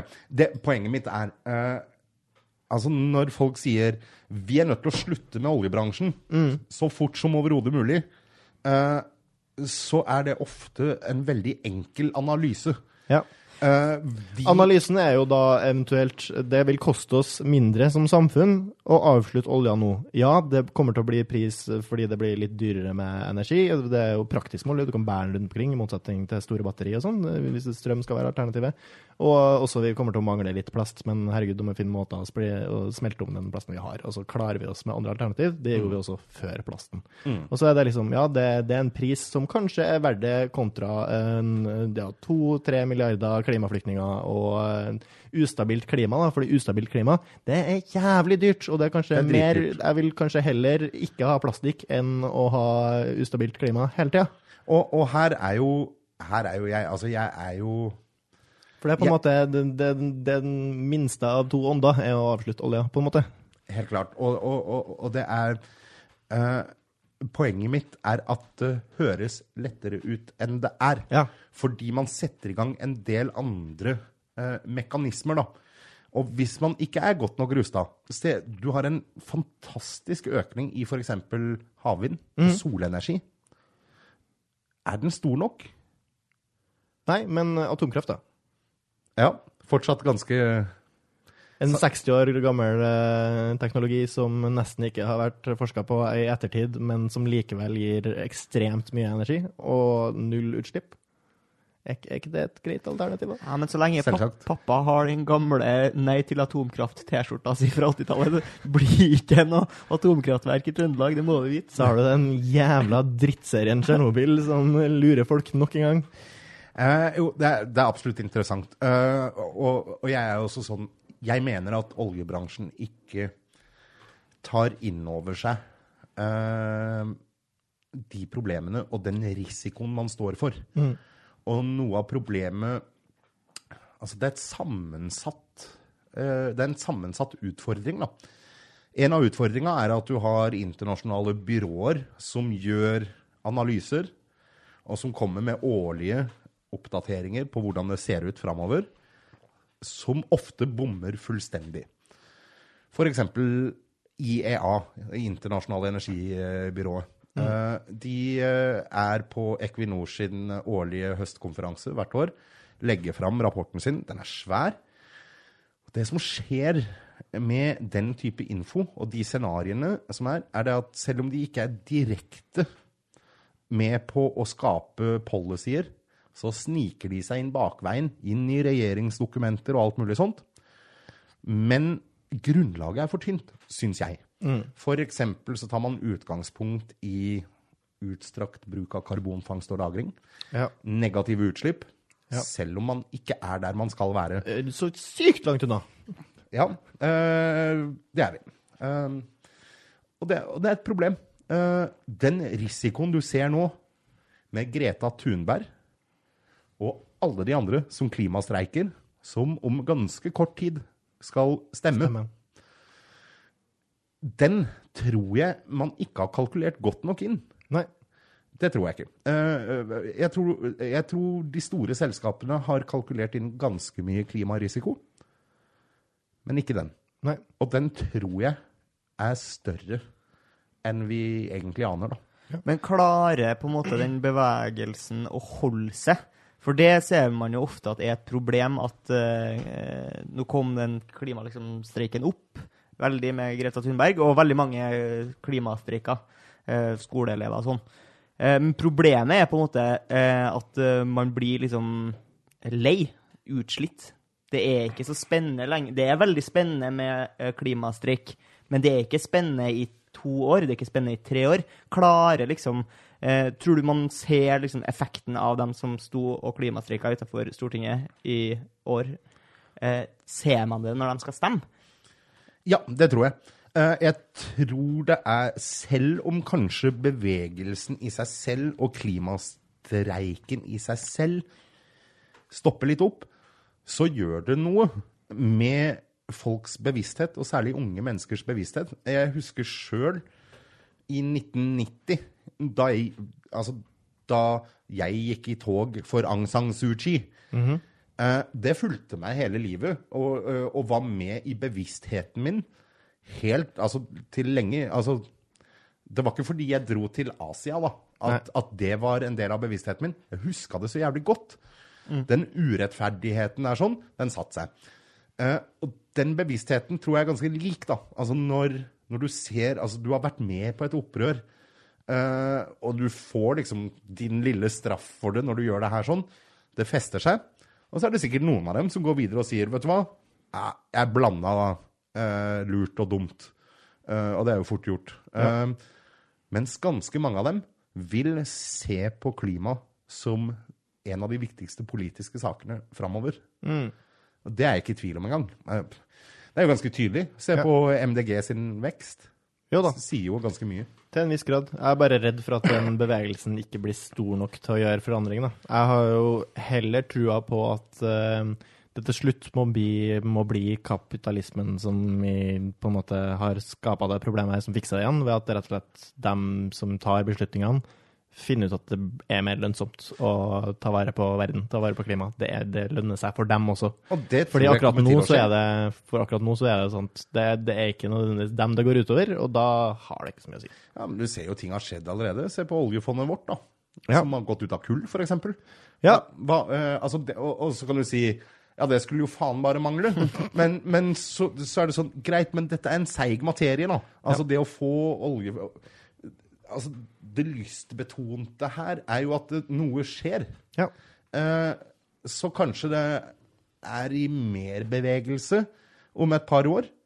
Eh, og da er, nærmer du deg, da. Eh, og ikke sant, det handler jo om å legge eh, Eller å ikke legge til rette for at det finansielle er klimafiendtlig. Mm. Hvis du skjønner? Nei. Eh, nei. Eh, du kan bruke sånn som oljefondet, da, eh, som et insentiv til å ikke investere i klimafiendtlige ting, eller i kull, da. Ja, eventuelt argumentere for at eh, hei, vet dere hva vi tjener mest penger på i Norge nå? Eh, Det er forvaltning av penger i verdensøkonomien. Eh, Oljefondet tjener mer enn olja nå. Nå er det såpass mye penger at når vi investerer det, og det investeres godt, og det har blitt investert godt i mange år nå, det har økt noe helt sinnssykt. Og det er gode investeringer i verdensøkonomien. Hvis verdensøkonomien tar eh, stor skade av eh, klimaforandringene, vel, da tar oljefondet også stor skade av klimaforandringene, og det blir dyrt. Så da har du på en måte kapitalistiske og finansielle argumenter, og jeg tror jo at det er et større insentiv for veldig mange enn å bry seg om å få noen indre som banker på døra som du ikke slipper inn. Um, Jo, eh, klart. Jeg, Jeg og at det blir litt eh, mer vind i Bærum. Det var veldig dramatisk. Det var jo Det blåste så mye. Det blæs hunder og katter, OK? Ja, det, det gjorde det. Nei eh, Hvis jeg skal gå litt tilbake igjen, da, Ja. til spørsmålet ditt. Hva syns du om at eh, at dette er så på agendaen? Det er jo altfor lite på agendaen. Ja. Da tenker jeg Fordel for deg, da, som faktisk har eh, spesialistkompetanse på temaet. Jeg tror altså, Og det kommer an på. Det kommer an på hva medieøkonomien framover styres etter. Mm. Uh, Det blir jo mest sannsynlig populisme, sånn som det er nå. ja, og så tror jeg også at på lik linje som andre uh, steder i samfunnet eh, kanskje også kan eh, være en kime til noe håp, da. Ja. Eh, når du har billigkjeder uh, som satser på kvantitet og ikke kvalitet, eh, så tror jeg det åpner seg et godt marked for noen som satser på, eh, på, på ordentlig, ordentlig skitt. Da. Eh, og det tror jeg også gjelder i, i eh, journalistikken. Og håper det. Ja. Ehm, ja. Det vil jo vise seg, da. Men, men jeg syns jo Jeg syns jo eksempel andelen medie... Eller journalister som skriver eller produserer innhold om skiskyting, kontra de som skriver om ø, olje og energi, ja. ikke henger på greip. Du syns ikke det? da? Nå må vi huske at skiskyting er er, i hvert fall, det er i hvert fall bedre enn langrenn. For det er skiskyting en større sport. Eh, ja, det Altså, og jeg, sitter ikke klistra foran skjermen, Husk at, men det, husk det at er det er interesser også fra utlandet i skiskyting, eh, Lars. Alle som opererer på den skiskytterbanen. Du har interesser fra Italia, du har fra Tyskland. Prøver du å si at femmila ikke er spennende? Det er kanskje det jeg ymter til. Satan, så kjedelig det er. Det er for eh, dominert av Norge, denne skisporten eh, som ikke involverer gevær. Ja, fy faen. Mener noen. Jepp. Meg sjøl inkludert. Nei da, men, men altså, poenget er da at, eh, at jeg syns jo det Jeg syns jo det er dumt at det sitter store redaksjoner i landet Ja. som ikke har én med spesialkompetanse på, på det feltet her. Må- Les eh, folk, det. Les folk eh, Eh, Det, det, det er vanskeligere å få Altså, det er to ting, da. Eh, og mange vil si ja, dette klager du bare på, for, sånn at du kan Spørsmålet er vel heller les vanlige folk, det. eh, Det du, kommer har, an på. du har jo skrevet for altså, et fagblad, som det egentlig har Jo, vært. Jo da, Så men du har skrevet hadde for folk som jobber i bransjen. Ikke bare. Ikke bare, overhodet ikke bare, må- men mye. Målet mitt og vårt var jo i stor grad å få dette ut til mer enn bransjen. Eh, og noe av det eh, traff relativt bredt. Men, men som sagt så tror jeg at oljebransjen kanskje er litt fremmed for mange, selv om, selv om den er eh, så viktig del av Norge. Bare se i Oslo. Det er jo ikke mange som veit hva en Condip er, f.eks. Eller som Ja, altså, det, det, det er lite kun, kunnskap, da. Jeg vet ikke hva en kondip er. Nei. Hva er en kondip? Google det. Google it. Eh, en av teknologivariantene for plattform eh, i Norge. Construction Construction deep, er det det som er forkortelsen? eh, det er betongbasert. Eh, ja, OK. Concrete. Mm. Uansett. eh, eh, ja, for dypvanns... Mm. Ja. Det var ikke det jeg skulle snakke om. Poenget, poenget er at dette er fremmed. Ja. Eh, det er Men hvor, man, altså, det er jo ikke det man må kunne, er det det? Liksom, Nei. hvordan teknikkene funker, hvordan det bores. Det er jo ikke denne her spesialistkompetansen det, man det er poenget mitt. Uh, poenget mitt er uh, Det er fortsatt en, uh, altså et helt samfunn da, av folk som jobber her ute. Ja. eh, eh, som har både direkte og indirekte sysselsettinger knytta til seg. Og historiene der Ja. er jo fortsatt det viktige. Ja. Men så gjelder det å finne de, da. Og hvor lett er det når, det er når du må ta helikopter for å komme seg ut dit? Det er en vanskeligere bransje, vil jeg påstå, Mm. enn mange av de landbaserte bransjene å penetrere. Og komme seg inn i og få gravd ut info, da. Ja, Men men husk at jo- når de først er i land, så er de i land en god Jævlig stund, lenge. Ja, så er de mye på fylla. er Finner dem i baren. Men det, det, er jo, altså det er som du sier, oljebransjen er jo ikke bare oljebransjen. Vi la jo fort litt merke til det da vi studerte i Stavanger, da Torgrim studerte i Stavanger. Da merka vi på byen at det var dårligere økonomi da, blant oljefolka, som f.eks. påvirka taxibransjen. da. Hørte jeg i hvert fall mye om da jeg var her. Eh, Det gikk hardt utover dem, fordi oljefolk tok ikke like mye taxi lenger. For de- jobbene var ikke like sikre, de hadde ikke like mye penger å bruke. Leiemarkedet, boligmarkedet. Boligmarkedet var også Men der var jo igjen også prega av at eh, Stavanger er en by med noen studenter og noen som har to millioner i inntekt. Og det var liksom de to ytterpunktene. Men- imellom var ikke så mange av. Men altså, for min del altså, er dette interessant, for jeg Mm. bodde jo i Stavanger da det var på topp. Ja. Og jeg kjøpte leiligheten da det var på topp. Ja. Så kommer oljeprisfallet. Og du ser det som skjer da, i et lite samfunn som Stavanger, men med så høy tetthet av eh, veldig høykompetente folk, det er at de innleide forsvinner først. ja. Det er folka fra Saudi, fra eh, Skottland, fra England, fra Danmark, fra altså overalt, som blir leid inn, men som ikke ikke går inn på sysselsettingsstatistikken. Nei. Eh, De havner i noen poster for konsulentutgifter osv. Men de var jævlig mange. Det var de som fylte opp pubene rundt i Stavanger på ukedagene. Ja. Eh, Det var de som tok mye taxi. Det var altså Veldig mye der sånn. Og de røyk først. Ja. Og når det skjedde, eh, så Og det ikke var nok, så begynte det å gå løs på de vanlige ansatte. Da begynte man å se det i statistikkene. På denne veien så skjedde det selvsagt mye med et boligmarked. Mm. De pengesterke, la oss si konsulentene, da, som gjerne har et firma som ikke bare leier inn dem, men også leier inn kost og losji til dem, er sånn Ikke sant? Leiligheten min kunne jo fort gått, gått til et sånn oljeselskap. Ja. 60 over markedsverdi, bare sånn at de fikk det. Sentrumsnær, fin, treroms midt i Stavanger sentrum. Um, så flytta jeg til Oslo, og markedet var i ferd med å kollapse. Uh, det blei helt krise. ja. Det gjorde du. Det ble dyrt for deg, òg, Lars. Det blei jævlig dyrt. Ja. Gjorde det. Jeg betaler på det ennå. Ja. Ja. Du, du har jobba i olja uten å få godene av eller? Nei, det, det, du, vet du hva, det, det skal jeg ikke si. Eh, jeg, jeg fikk en jobb av det. Ja. Eh, og, jeg fikk flere jobber av det. Så er du statsborger i Norge, så det kommer godt ut av det uansett. Eh, og, eh, og vet du hva, det er Jeg mener for mange, da, eh, og meg inkludert, ikke tar inn over seg at når du kjøper en bolig, så er det faktisk en risiko også. Eh, det er ikke bare at det skal vokse opp i himmelen. For de aller fleste så vokser det lite grann. Og for noen vokser det en del. Det er også noen som tar prisen Ja. uh, for det. Uh, og der var, der var jeg først og fremst uheldig, da. ja. Ja. Men det er, jo, det, er jo, det er jo ikke poker. Huset stikker ikke av med, med alt her. Eller blackjack, det.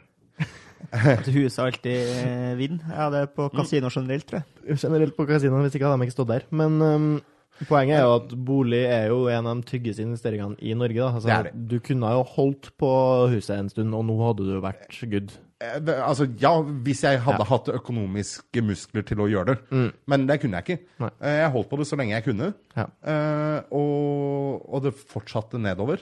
Og nedover og nedover. Og det falt vel, var det 44 Hoi sann! det er det sjukeste jeg har hørt i Ja, norsk ja. eh, boligstatistikk noen Ja, noe, noe sånt.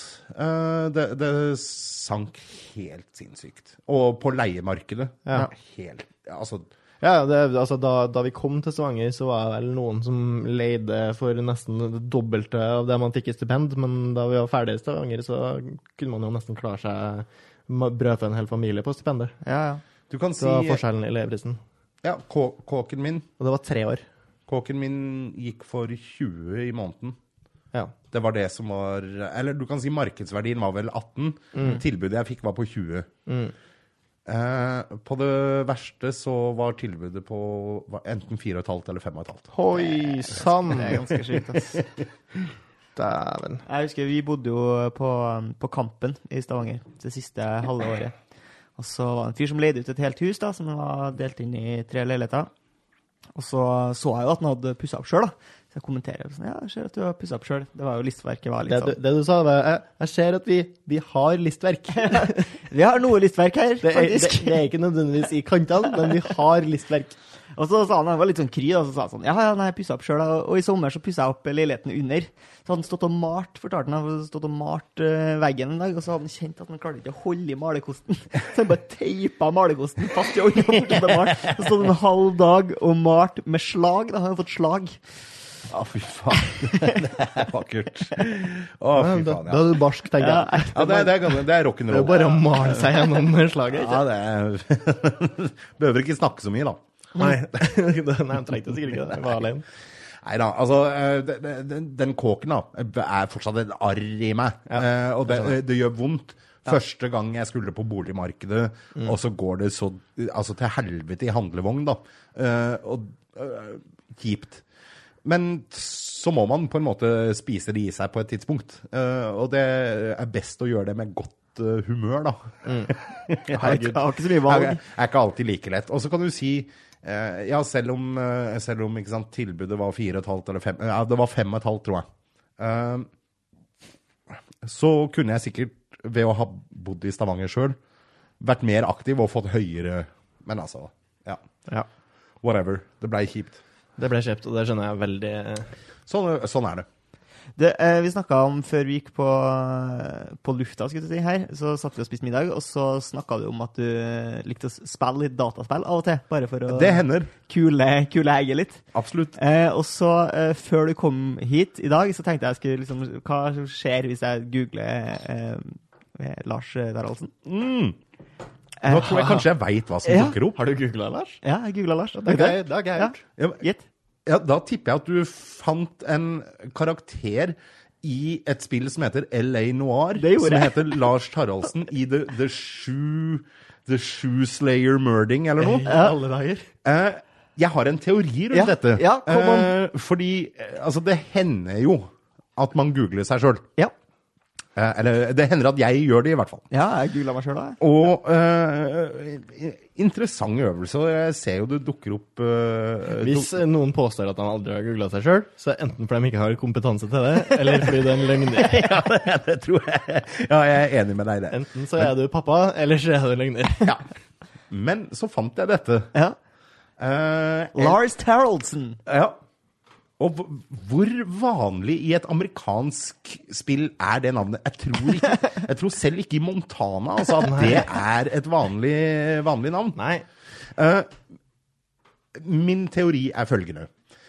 Uh, da jeg reiste rundt i Sørøst-Asia, Ja. så møtte jeg mye folk. En av dem jeg møtte, eh, han, het, han hadde noen norske aner. Han het Shinji Kogami. Nei, han het uh, et eller annet Michael Det var ikke Michael Moore, men det var noe sånn det var med Michael Magnus eller noe. het okay. han. Uansett.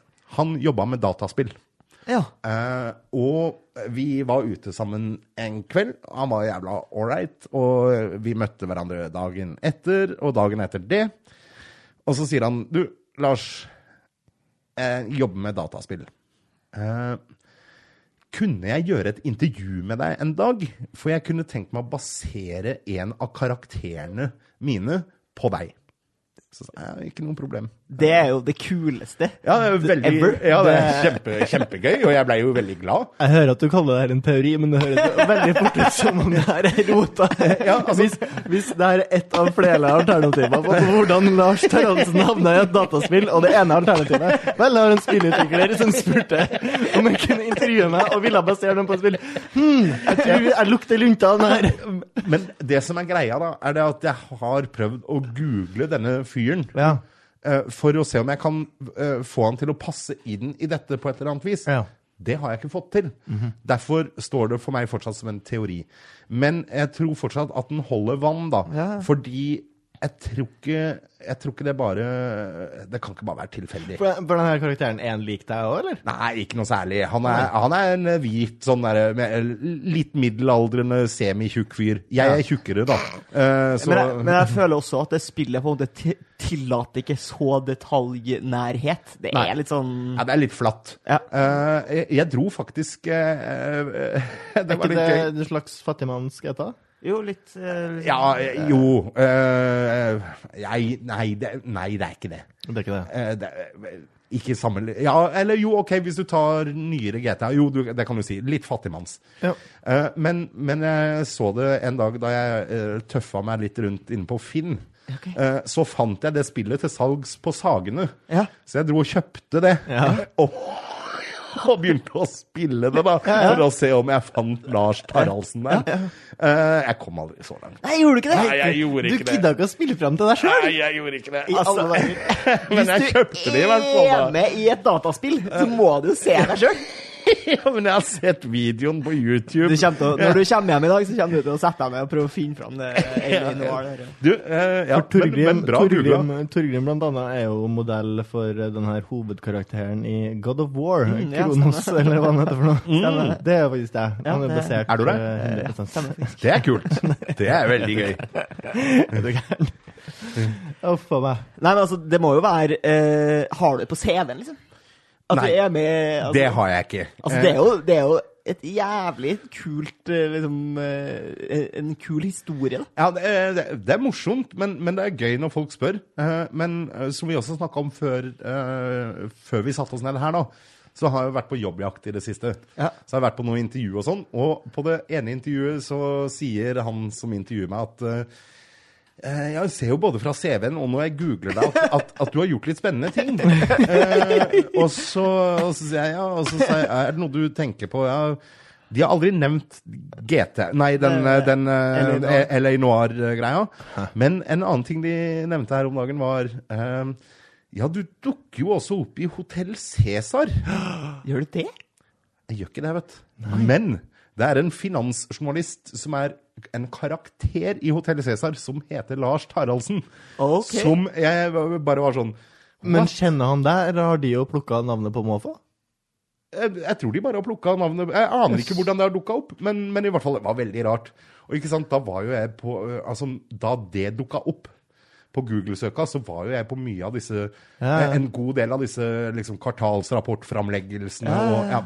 Eh, så, så dukka Du tror du har spilt deg sjæl? Ja, det, men jeg så eh, ja, Han så ganske glatt ut. Uh, ja. Det var ikke meg. Men det, vet du om det er flere som heter Lars Taraldsen i Norge? Taraldsen er ikke så vanlig. Nei, jeg tror, jeg tror det er en til. Ja. uh, men, men jeg er ikke helt sikker. Har du ringt den bare på hils? Nei, jeg har ikke det. Uh, Har du ringt den for å spørre om Hei, du, uh, jeg har lagt merke til at det er en fyr i LA Noir Men jeg som mener- heter Lars på Er det det deg, eller er det meg? Ja, ja. Hvem av oss er det? Åssen ser du ut igjen? Er du også lubben middelalder? Og har du blå skjorte? Ja. Um, eh, men jeg mener på det er noen som har ringt meg, da. Som skulle til en Men, men jeg, jeg, jeg veit Jeg lurer på om det er en annen som heter Lars Erik Taraldsen, for det er jo det jeg okay. heter. Ja. Ja, ok. Erik er Enda mer, eh, en- enda mer spesifikt. Du, men eh, hvor gammel er du, Lars? 36. 36? Det er jo ikke så gammelt, det, da. Nei, det er ikke så gærent. Du har finta meg med podagranen din, vet du. Du Så vet, jeg med, tror med at det er minst 37. Ikke sant, Med alle disse livsstilssykdommene som dukker opp liksom eh, etter et eh, langt, langt liv på loffen, så, så, så ser man jo plutselig litt eldre ut, da. Ja. Tom Waite synger jo I look 47, but I'm 24. Ja. Uh, og det syns jeg er veldig fint. Ja. Ja. Men det går bra med podagene nå. Det Du, jeg har, ikke hatt et, eh, jeg har ikke hatt et anfall på mange måneder. For det heter anfall Ja, du får det i anfall. i alle dager. For dem som ikke vet hva podagra er, så som jeg har forstått det, så er det uh, urinkrystaller. Ja, Urinsyrekrystaller. Urinsyrekrystaller som sprer seg rundt omkring i kroppen der de ikke skal være. Uh, gjerne ledd. Ja. Og krystaller og ledd er en dårlig kombo. Skarpe ting og slimhinner er som regel dårlig stemning. Vet du hva, jeg skal ikke klage så jævlig mye, Nei. men det er faen meg det vondeste jeg har hatt, tror jeg. Har du prøvd å bli sparka i ballene? Ja. Eller knea, i hvert fall. Ja, knea i ja, ja. Det, var, det var vondt. Det var vondt. Eh, Men det gikk liksom over. Ja, ja, jo da. Ikke sant? Men det har jo podogran også ja, men, men eh, kneing i ballene 25 minutter, da. Ja, Ja. vel, så, så sprader du rundt igjen. Men den derre podagran Og da Man sprader! Spesielt ikke hvis man har hatt mer, vondt i mer enn med podagra. Hvis man har hatt vondt i 25 minutter etter et spark i ballene, så sprader man ikke etterpå. Altså. Ja, men mer enn med podagra. Mer enn med podagra. Fytti helvete, altså. Eh, altså, jeg har, For å illustrere det, da. Hos meg så har det satt Ja. seg i føttene. Og det kan sette seg andre steder òg, men det er mest vanlig.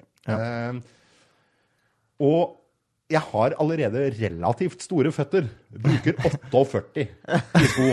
Er så, det var ikke så lett i Asia, for å si det sånn.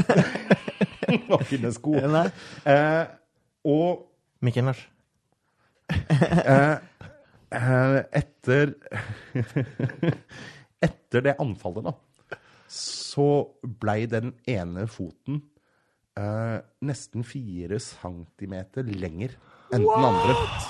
Og da ble den i tillegg høyere også. Og da så det bare- var, bare, det da var nesten bare- en stortå lenger. Det, Er, er det sånn at hvis du går og svømmer, så svømmer du i ring? For at, Ja, liksom, jeg, nesten.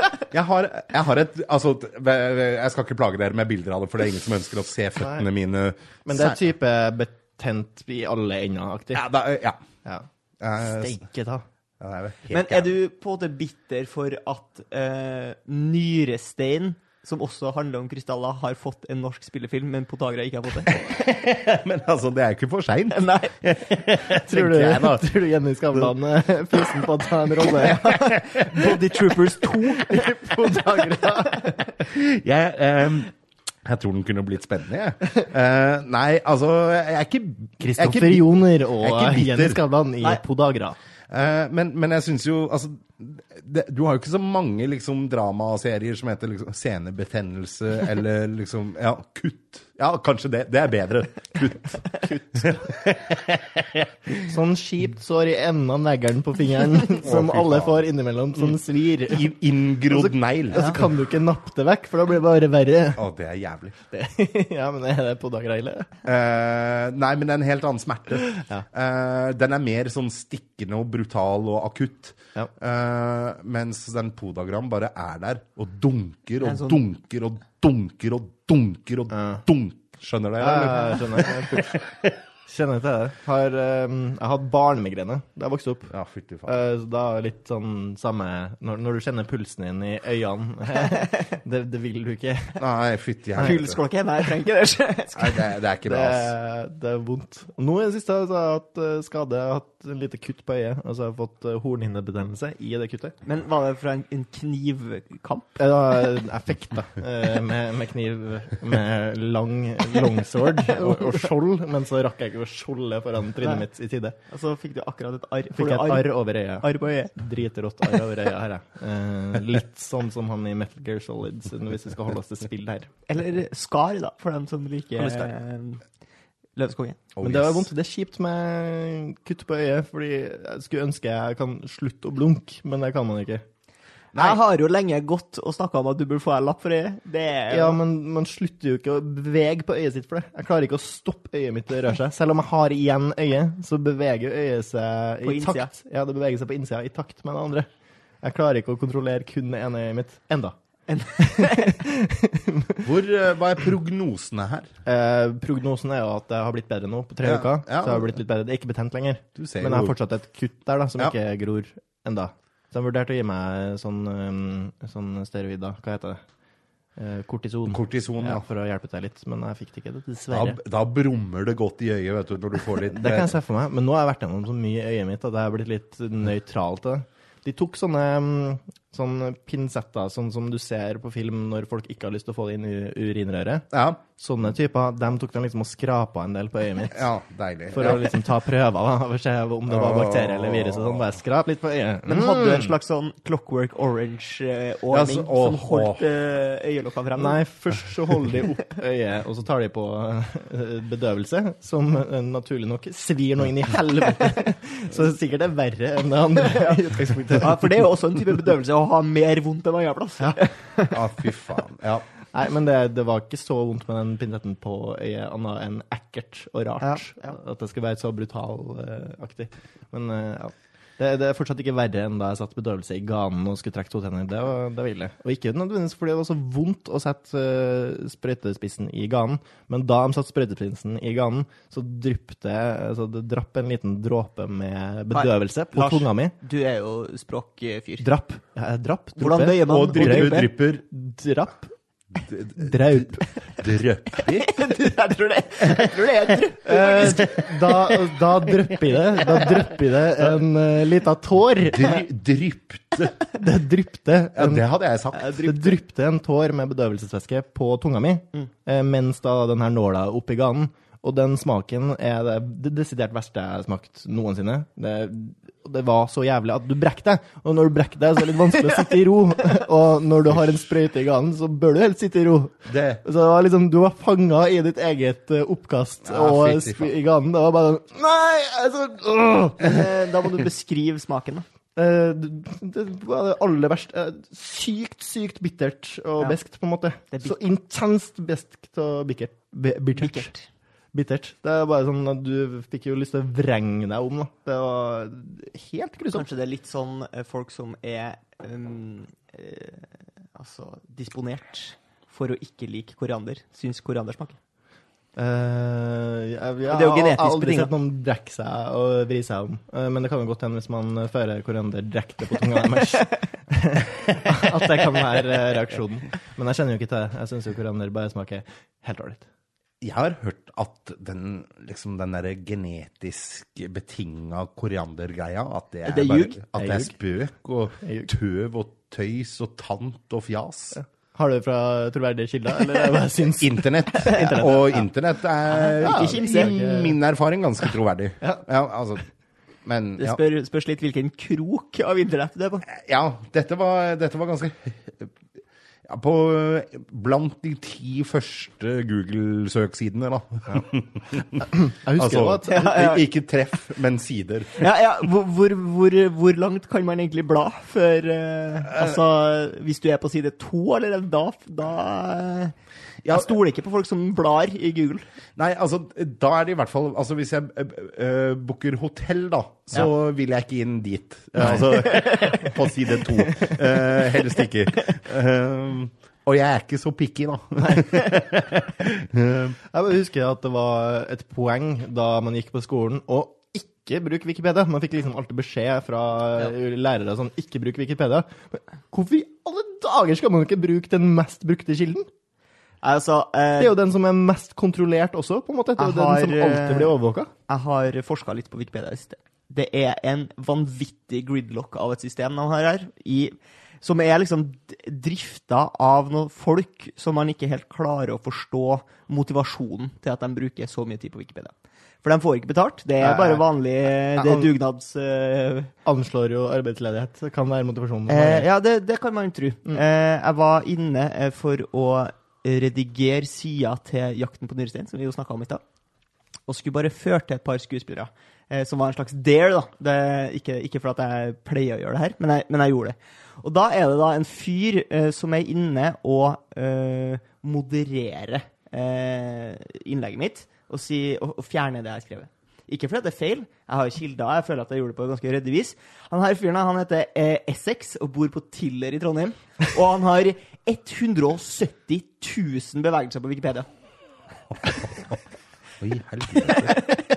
Da Men altså, går hvor, hvorfor, da. hvorfor, hvorfor tok han det bort? Eh, nei, det vet jeg ikke. Fordi det, han trenger ikke å argumentere for det. Eh, ja, men det, det har også Det handler ikke bare om er det rett eller ikke, det handler om protokoll. Man er veldig opptatt av at ting skal føres på korrekt vis. Og det er derfor jeg mener at eh, det er nesten mer sannsynlig at det som står på Wikipedia, er rett enn i andre oppslagsverk, for der er det jo bare én. Én- Hvis én fyr gjør feil, så står det feil på Store norske, f.eks. Ja. Mens på Wikipedia så er det sånne folk som han Essex der, da, som ikke har noe bedre å gjøre, som er liksom eh, ja. Har dere sett Newsroom, den HBO-serien? Nei. Ja, nei.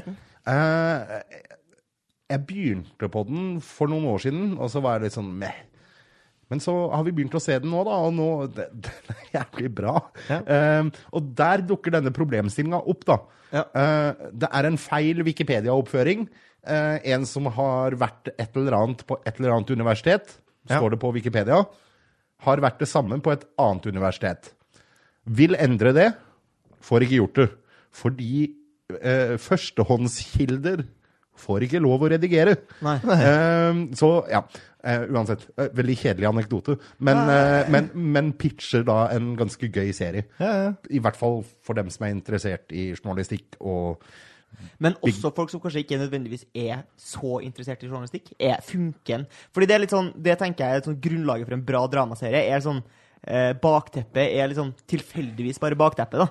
Hvis du husker Six Feet Under, så er det jo ingen som syns at gravlegging er så jævlig spennende. Men det er bare tilfeldigvis bakteppet for et bra drama. da. Ja. Jeg syns dramaet funker her eh, fordi eh, Fordi det er så mange Altså, de tar utgangspunkt i hendelser, da. Store hendelser som har vært. Eh, Macondo-ulykka i Mexicogolfen. eh, da de tok bin Laden. eh, Occupy Wall Street. Altså alle disse greiene her sånn. Og så lager de altså, Så det er liksom Det er veldig gjenkjennelig for mange. Og så er det kjærlighetsdramaer, og så er det folk som snakker mot liksom big corporate uh, bad guys og Ja, nei, det er veldig Det er vakkert. Er det den serien der det er en scene med han ene fyren fra Dum og dummere som snakker om eh, hvorfor USA ikke er det beste landet i verden? Det er riktig. Ja. Jeff Daniels gjør en killer rolle i For den han er litt sånn fyr. Han er litt sånn fyr som jeg tenker Du kan ikke spille en annen rolle etter du har spilt i Dum og dummere. Du, det kan han. Ja. Uh, og jeg var jo sånn Altså, hele livet mitt, fram til for rundt et år siden, Mm. så har han vært han i Dum og dummere og i Kingpin. Husker dere Kingpin? Bowling-film. en jævla kalkun, Jeg husker, altså. jeg husker bare Kingpin Jeg som i, fisken. i Som i eh, Bad guyen i Daredevil. Ja. Ja. Ja. Kingpin som i Fisken, eller Sjefen. ja, eh, Fisk, Wilson Fisk. Men han nailer eh, dramabiten, altså. Det gjør han. Han, Ja. er, han er god. Ja, du har jo folk som er gode i begge deler. Det er jo du, altså. Ja, jeg husker det var sånn med Bryan Cranston i, i, i Breaking Bad. Ja. Det tok lang tid før jeg orka å se den serien, fordi hver gang jeg så trynet hans, så tenkte jeg bare sånn Ja, når kommer liksom Dewey og resten av gjengen i Malcolm i midten, liksom? Gjør noe til bass of minna. Men altså, eh, ikke sant, du har jo også sånn som han derre Er det Chandler fra Friends? Nå må du Ja, nå er jeg spent. Som dukker opp i Band of Brothers. Ja vel. Er, er det ikke Chandler? Ross. Han Ross. Det er Ross. Ross Ross, ikke Chandler. David, David Schwimmer. Det stemmer. det stemmer. Ja, sorry. Jeg er litt dårlig på Friends. Uh, alle Ta Friends. jeg er nok dårligere på Band of Brothers enn Friends. Ja, det, det er ikke jeg. Ta, ta Friends-referansene mine med litt av klype salt. Eh, men Du har fått med at Rachel er hun deilige. Uh, Er du, du er kanskje en Monica-fyr? Eller Phoebe? jeg syns ingen av dem er liksom det helt store, da. I helvete, Lars. Nå Stemmer du, stemmer du blankt? Jeg stemmer blankt. Da er jeg mer han Chandler, da. Ja. Og ikke Ross. Men Nei, altså Nei. De er jo pene. Alle tre er jo pene. Ja. Men, men det er liksom Jeg satt ikke og så på Friends, for jeg syns det var så Verken så gøy, eller at det var så mye fine damer. Nei, det er jo liksom- kombinasjonen her som er uslåelig, Lars. Det at det er halvveis artig, halvveis deilige damer. Det går fint. jeg, jeg vil si det er ganske dårlig. Okay. Og ah, Friends! Å, fy faen. Snakker helt- om ting som ikke har tålt tidens tann. Ja, men Er ikke det en helt fantastisk terningkast fire-serie som bare alltid har surra godt, da? Nei. Nei. Eller, eller altså, ja, jeg skjønner jo at mange syns det. Jeg syns den var helt middels da Du er den mer kom. sånn Seinfeld-kiss. Ja, men se, du syns jo den var helt Heller- middels da den kom. Hva for noe? Du syns den var helt middels da den kom. Helt middels da den Ja. kom, og helt jævlig nå. det Altså, det er så flaut, og du kan liksom, selv om du ikke har sett det før, så skjønner du akkurat hva som skjer, steg for steg. Jeg ville heller ha sett Webster og eh, Fresh Prince of Bel-Air. Det er mer uforutsigbart. Ja, ok. Ja, Ja. er- du, du ønsker uforutsigbarhet, men poenget med Friends nå er jo at det er den perfekte serien der du ikke trenger å se på. Du kan bare ha den på i bakgrunnen. Og det er greit, så kan du sitte på mobilen og Men, se på Instagram. men da har jeg mange andre ting jeg heller vil ha der. Ja, Simpsons. I bakgrunnen. Ja, heller det. Følg med, følg med litt mer, da. For å få Eh, Nei. Men du syns det er litt artig med han litt tjukke som liker donuts? Eh, det, I I Simpsons? Ja. Jeg syns det, er mest gøy- jeg synes det er mest gøy med den Syns du ikke politiet som er glad i donuts. Det er originalt. Eh, eh, Kjempeoriginalt. Kjempeoriginalt. Dukker ikke det opp i Er det i uh, Die Hard også? Dukker ikke det opp overalt? Eh, jo, men altså, der er det liksom Det var liksom en Tenker du på Operasjon skyskraper? eh, Ja. Die Hard 1 heter det på norsk? Ja, er det Herre Jesus. Apropos dårlige norske oversettelser.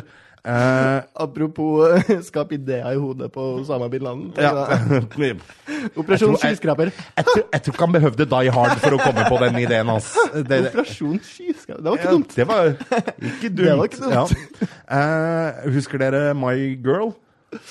Oh, nei. Med han derre fra, fra Hjemme alene, Macaulay Culkin. Ja. Eh, Eh, apropos mishandla Michael Jackson. eh, ja. Eh, og eh, han spiller jo Det er en nydelig film. Jeg mener på det er den første filmen jeg gråt til. Jeg. Okay. Det er My Girl. He helt nydelig. På norsk heter den Mitt første kyss.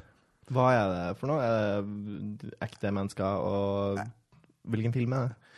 Vi, vi, nei, det er en film da om eh, ei jente som vokser opp, og hun er vel sånn type 10-11 år gammel, og du følger henne, hun har en veldig god venn som er eh, litt uh, rar, og det er Macaulay Culkin. Han er ikke så rar, men han, han er litt skjør. Jo, Macaulay Culkin, han er rar.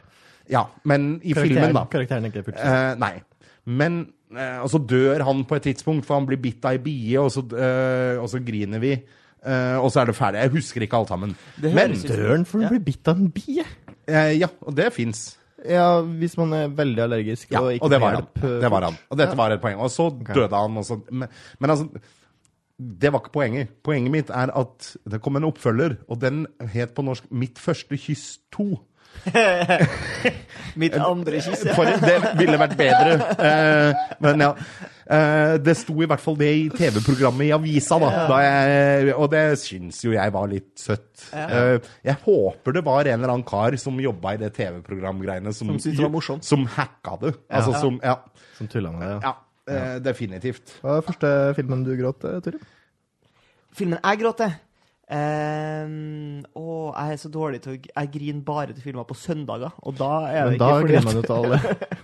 Min første film som jeg gråt til, vil jeg tro, var Lillefot, eh, med den engelske tittelen A Land Before Time. Ja, ikke sant. Som da handla om eh, så En tegneseriefilm som handler om den her eh, langhalsdinosauren eh, som hadde en alenemor. Der eh, sånn cirka et kvarter inn i filmen, ja, så dør denne alenemoren, og han blir helt alene! Det det er brutal barnefilm, ass! Jeg husker vennene mine gråt av den. Jeg, jeg, jeg likte aldri filmen, jeg. Ha, også den sangen er jo også helt fantastisk. Jeg husker ikke hvem som var det. Diana Ross eller noe. Den er helt nydelig, og det er jo supertrist, men også litt hyggelig. da. Han til slutt finner besteforeldrene dine, som da blir verga. Men så møter han jo mange andre ensomme sjeler rundt omkring i denne eh, gudsforlatte verdenen. da. Utsatt for klima. Litt som oss.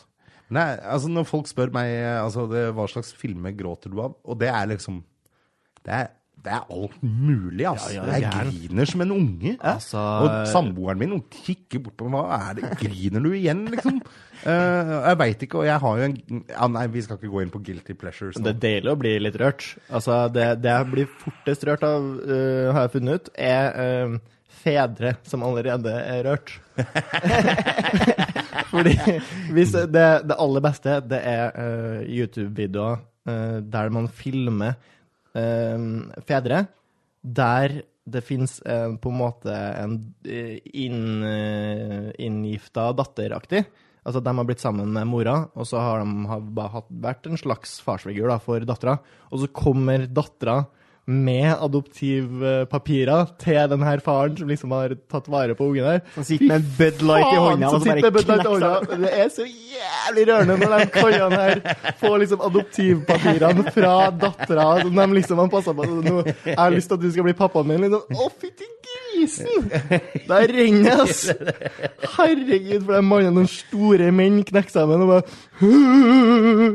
Jeg, øh, jeg har noen øyeblikk også i 'Ringenes herre'. Ja, Oi sann! Ja, altså, Er det det, når, eh, når det er sang? Nei, Pippin det, det er når eh, det Når er, Pippin synger, og når ikke Bukk for meg, dere er vennene mine-aktig. På slutten det er der. Kongen. Ja, der. den, den da, er, da, den da, vet du hva? Da er jeg sånn Da må jeg være aleine en stund etterpå, liksom. Sånn, You vow to no one. Ja. Fy faen. Jeg griner nesten nå. Å, faen. Jeg må se den igjen snart, altså. Ja, den ligger på Netflix nå. Gjør den det? Ja, ja, hele- hele, greia? trilogien. Alle tre. Ikke extended version, men Nei, det, trilogien. ja, men Samme det. Jeg skal, da ser jeg det i natt. Etter du har runda LA Noir, selvfølgelig. Eh, Selvsagt. Eh, Når jeg, I hvert fall når jeg har fått funnet ut om jeg er skyldig eller ikke. I hvert fall da. For da må du jo i hvert fall gjøre et poeng ut av å finne han fyren, hvis du har blitt sånn bad guy. Ja, ja, ja, ja. ja. du gjorde meg sånn eh. Nei, jeg mener på Jeg har lest at, uh, at uh, jeg bare var mistenkt en stund. Ja. Mm. Ok. ja. Hvis uh, man skal velge vannhøl i Oslo, Lars, ja. hva har du å anbefale? Uh, jeg har flere på lista. Ja. Eh, Du er jo en byfyr, ja uten å være fornærmende, for det tror jeg ikke du klarer å bli. Å bli Nei, byfyr. eh, jeg har levd mye av mitt voksne liv på bar og kafé. Ja, med en øl i handa. Med en øl i hånda. eh, og akkurat nå så vil jeg si Altså, jeg har på en måte Jeg har to, eh, to skoler her. da Jeg liker enten litt fin cocktailbar, men der du kan ærlig sitte og liksom eh, Drikke øl. Ja. Gjerne liksom åtte, ti, tolv på rappen, liksom. Eh, Med og- drinker eller øl? Nei, øl. Ja. Uh, men de har bra cocktails. Ja. Uh, Hvorfor, hvorfor må de ha bra cocktails når du bare skal drikke øl? Eh, nei, de må ikke det. Eh, eller men, jo, jo, litt. Liker stemning. Men, men jeg liker stemninga. Jeg liker på en måte kunnskapen bak baren. Eh, måten de håndterer ingrediensene på når de lager det til andre. Eh, og de sitter jo stort sett ikke ved baren, de som skal ha cocktails.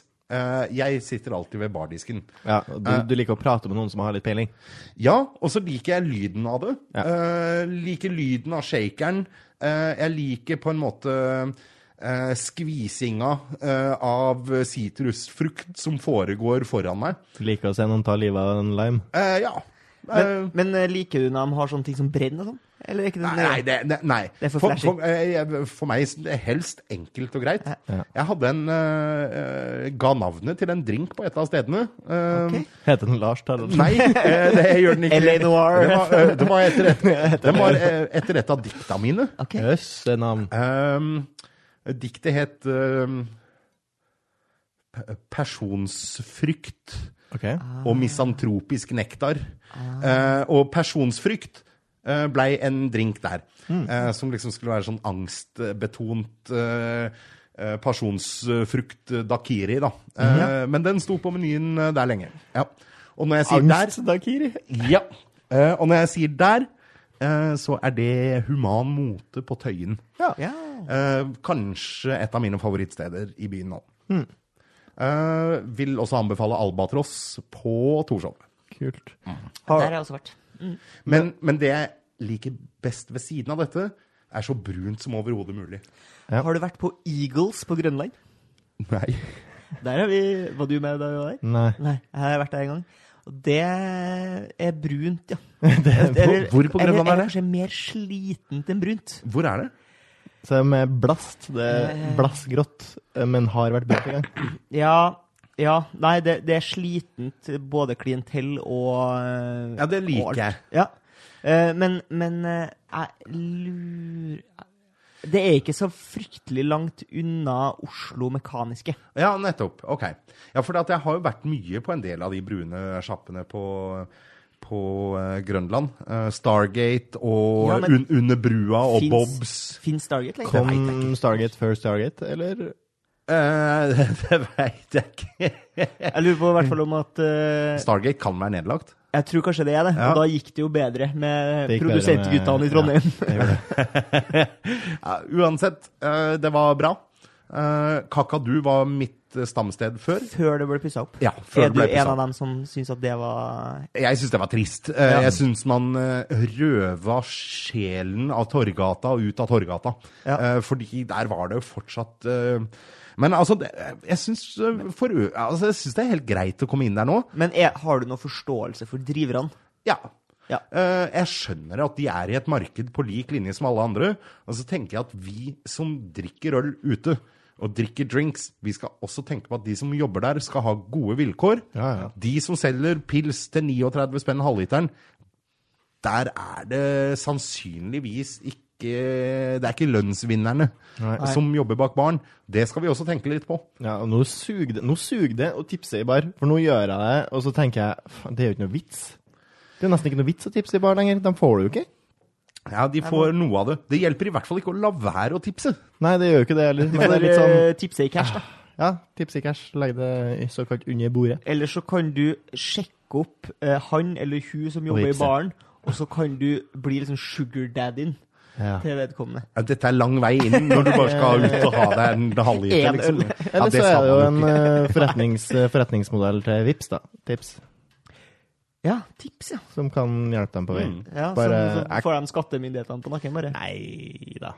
Altså, eh, uten at jeg faktisk har tenkt på det som en omgåelse av den uh, greia der, sånn, så har, jeg, har det faktisk hendt at jeg har tipsa bartenderen på Vips. Ja. For ofte så kjenner jeg bartenderen Eh, Ja, det er et tegn på at du har vært her før. Uh, hva for noe? Ja! ja. Altså, uh, igjen da, Tom Waits synger i en av låtene sine And all the bartenders, they know my name. Ja. Og det, det, i det landskapet føler jeg meg hjemme i. da. Altså, jeg liker at når jeg kommer inn døra til en bar, så liker jeg at folk kjenner meg. De veit hva jeg skal ha. Uh, så du er kanskje mer fan av serien Cheers? Si Where er- everybody knows your name. Ja, altså jeg liker sangen godt, og så syns jeg Woody Harroldson gjør en veldig søt rolle der. Eh, Woody Harroldson ja? ja, han spiller jo Woody. Han lett tilbakestående bak baren. Ja.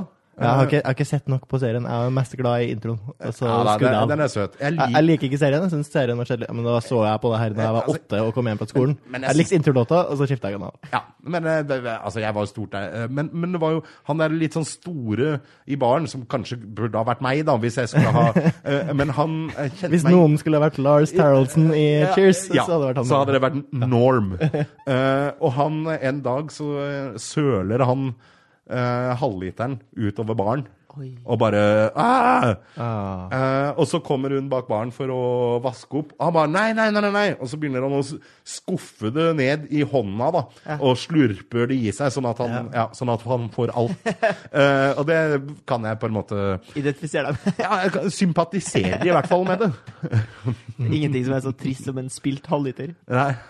Ja, Det var nå den der leiligheten i Stavanger som gikk ja, ja, altså, jeg veit om enda tristere ting enn det. Leiligheten i Stavanger, og så han som døde i den filmen. Og så når det blåser ute på- Og så når det blåser på Bærum. Det er vondt, ass. Ja, det er ille. Det er det. Men eh, har du skrevet, du skrevet, skrevet dikt om angst? Um, ja, jeg har skrevet dikt om mye rart. Ok. Ja. Har du slitt med angst eh, har, på ordentlig? eh, ja, det har jeg. Uh, har, Nå sier jeg på ordentlig uh, litt sånn skamløst, men det, det, er, det er så mye Det er så mye sk angst overalt nå. Det er det. Jeg Mange ble- grader av angst. Jeg ble, det, er- det er det. Jeg fikk, fikk uh, eh, diagnosen på, Ja, hva var det? Eh, det var Nå har jeg glemt hva diagnosen var, men den var i hvert fall såpass alvorlig angstdiagnose at, eh, at den hemma meg i arbeidet. Okay. Eh, det var ille. Eh, Var det knytta til noe bipolaritet, eller? eh? Nei, jeg, jeg tror det var knytta til stress okay. og eh, ja. Jeg jobba i lokalavis før jeg ble redaktør. Mm. Det er en del år siden. Og så husker jeg Altså, eh, jeg fikk, eh, fikk en del anfall, da. Der det svartna for meg, og ja.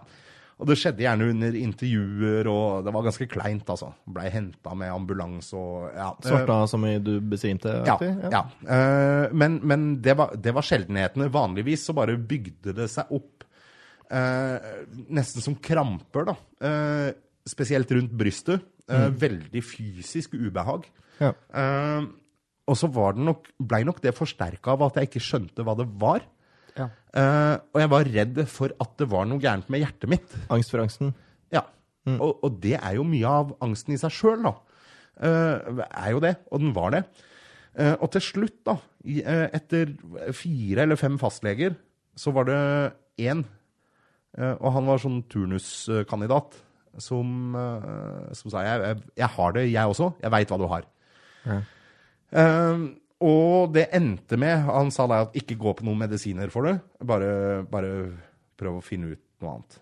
Uh, og jeg blei uh, fortsatt å være dårlig. Så jeg begynte på medisiner. Uh, en type antidepressiva. Mm, hvilken da? Uh, Cipralex. Ja. Eh, og den blei jeg veldig avhengig av. Ok. Eh, Hva, hva gjorde den med deg? Er, Den- den- er det av typen som gjør deg litt apatisk, eller? eh, jeg blei helt flat. Ja, Ja. apatisk da, Ja, altså. ja, ja. Uh, det var Og jeg hadde ingen anfall. Nei, Men jeg var men du hadde jo heller ikke noe spesielt ingen- eh, følelsesliv Nei, eller noen nei. ting. Nei. Uh, og uh, for å ha en tråd i det, da eh, De tablettene slutta jeg med da jeg bodde i det tempelet. Ja. Og det for meg, da, så var det den store gevinsten ved å være i det tempelet. Fordi at du kan si da jeg, bodde egentlig i Bangkok. De dagene jeg var i Bangkok og gikk ut av leiligheten og fant ut at jeg har glemt å ta den jævla tabletten, da måtte jeg bare komme meg hjem med en jævla gang. Eh, Jeg var, var der, ass. Uh, og så var jeg der oppe i det tempelet, og så kom jeg på faen, jeg har glemt å ta den i dag. Og så var jeg Så bare gikk sånn. det fint. Ja, så sa jeg bare, vet du hva? Dette går bra. Jeg tenker sånn, Er det én plass der man skal slutte å gå på liksom, angstmedisin, så er det jo i et tempel. Altså, det handler jo om å være zen, liksom. hvert fall. Der skal Definitivt. Definitivt. man få Nei, ta da, så, kontroll på de og, og er, følelsene. så kan du si hva du vil, og jeg skal ikke gjøre dette, for det var på ingen måte en religiøs greie for min del. Det handla om at jeg var et sted der du knapt så en bil, der du knapt uh, Plass der det var lov å slappe av. Ja. Og, Men og var ikke det, sant, så, satt du pris på det kuriøse? Eh, Altså ved å være der? Ja. ja eh, selvsagt. Og det var på en måte Det var så langt unna, da.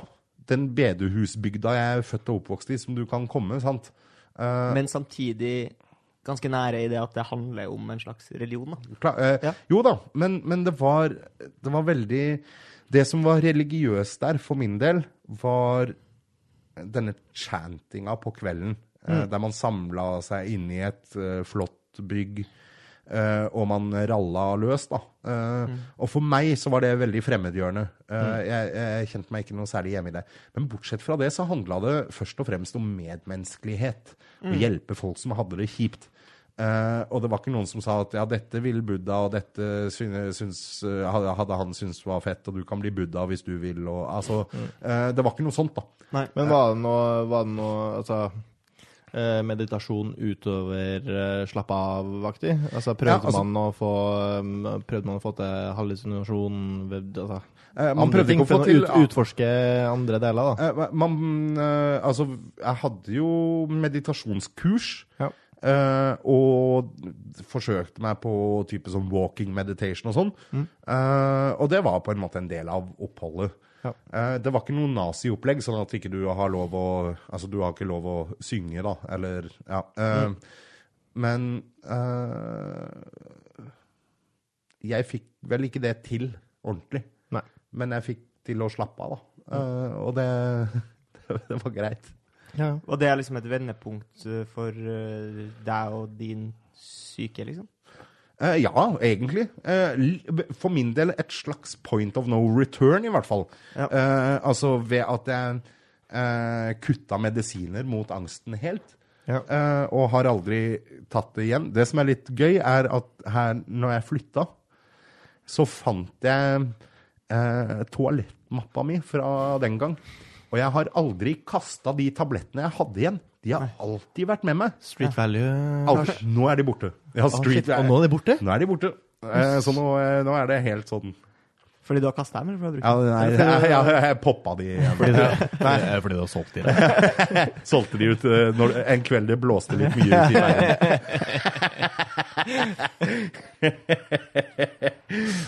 Ah, jeg tror vi lar det bli siste ordet. Det er greit. Tusen, tusen takk for at du kom, Lars. Takk for invitasjonen. Veldig Utrolig koselig. hyggelig. Ja, veldig hyggelig. Veldig stas. Du booker til ingen, Lars.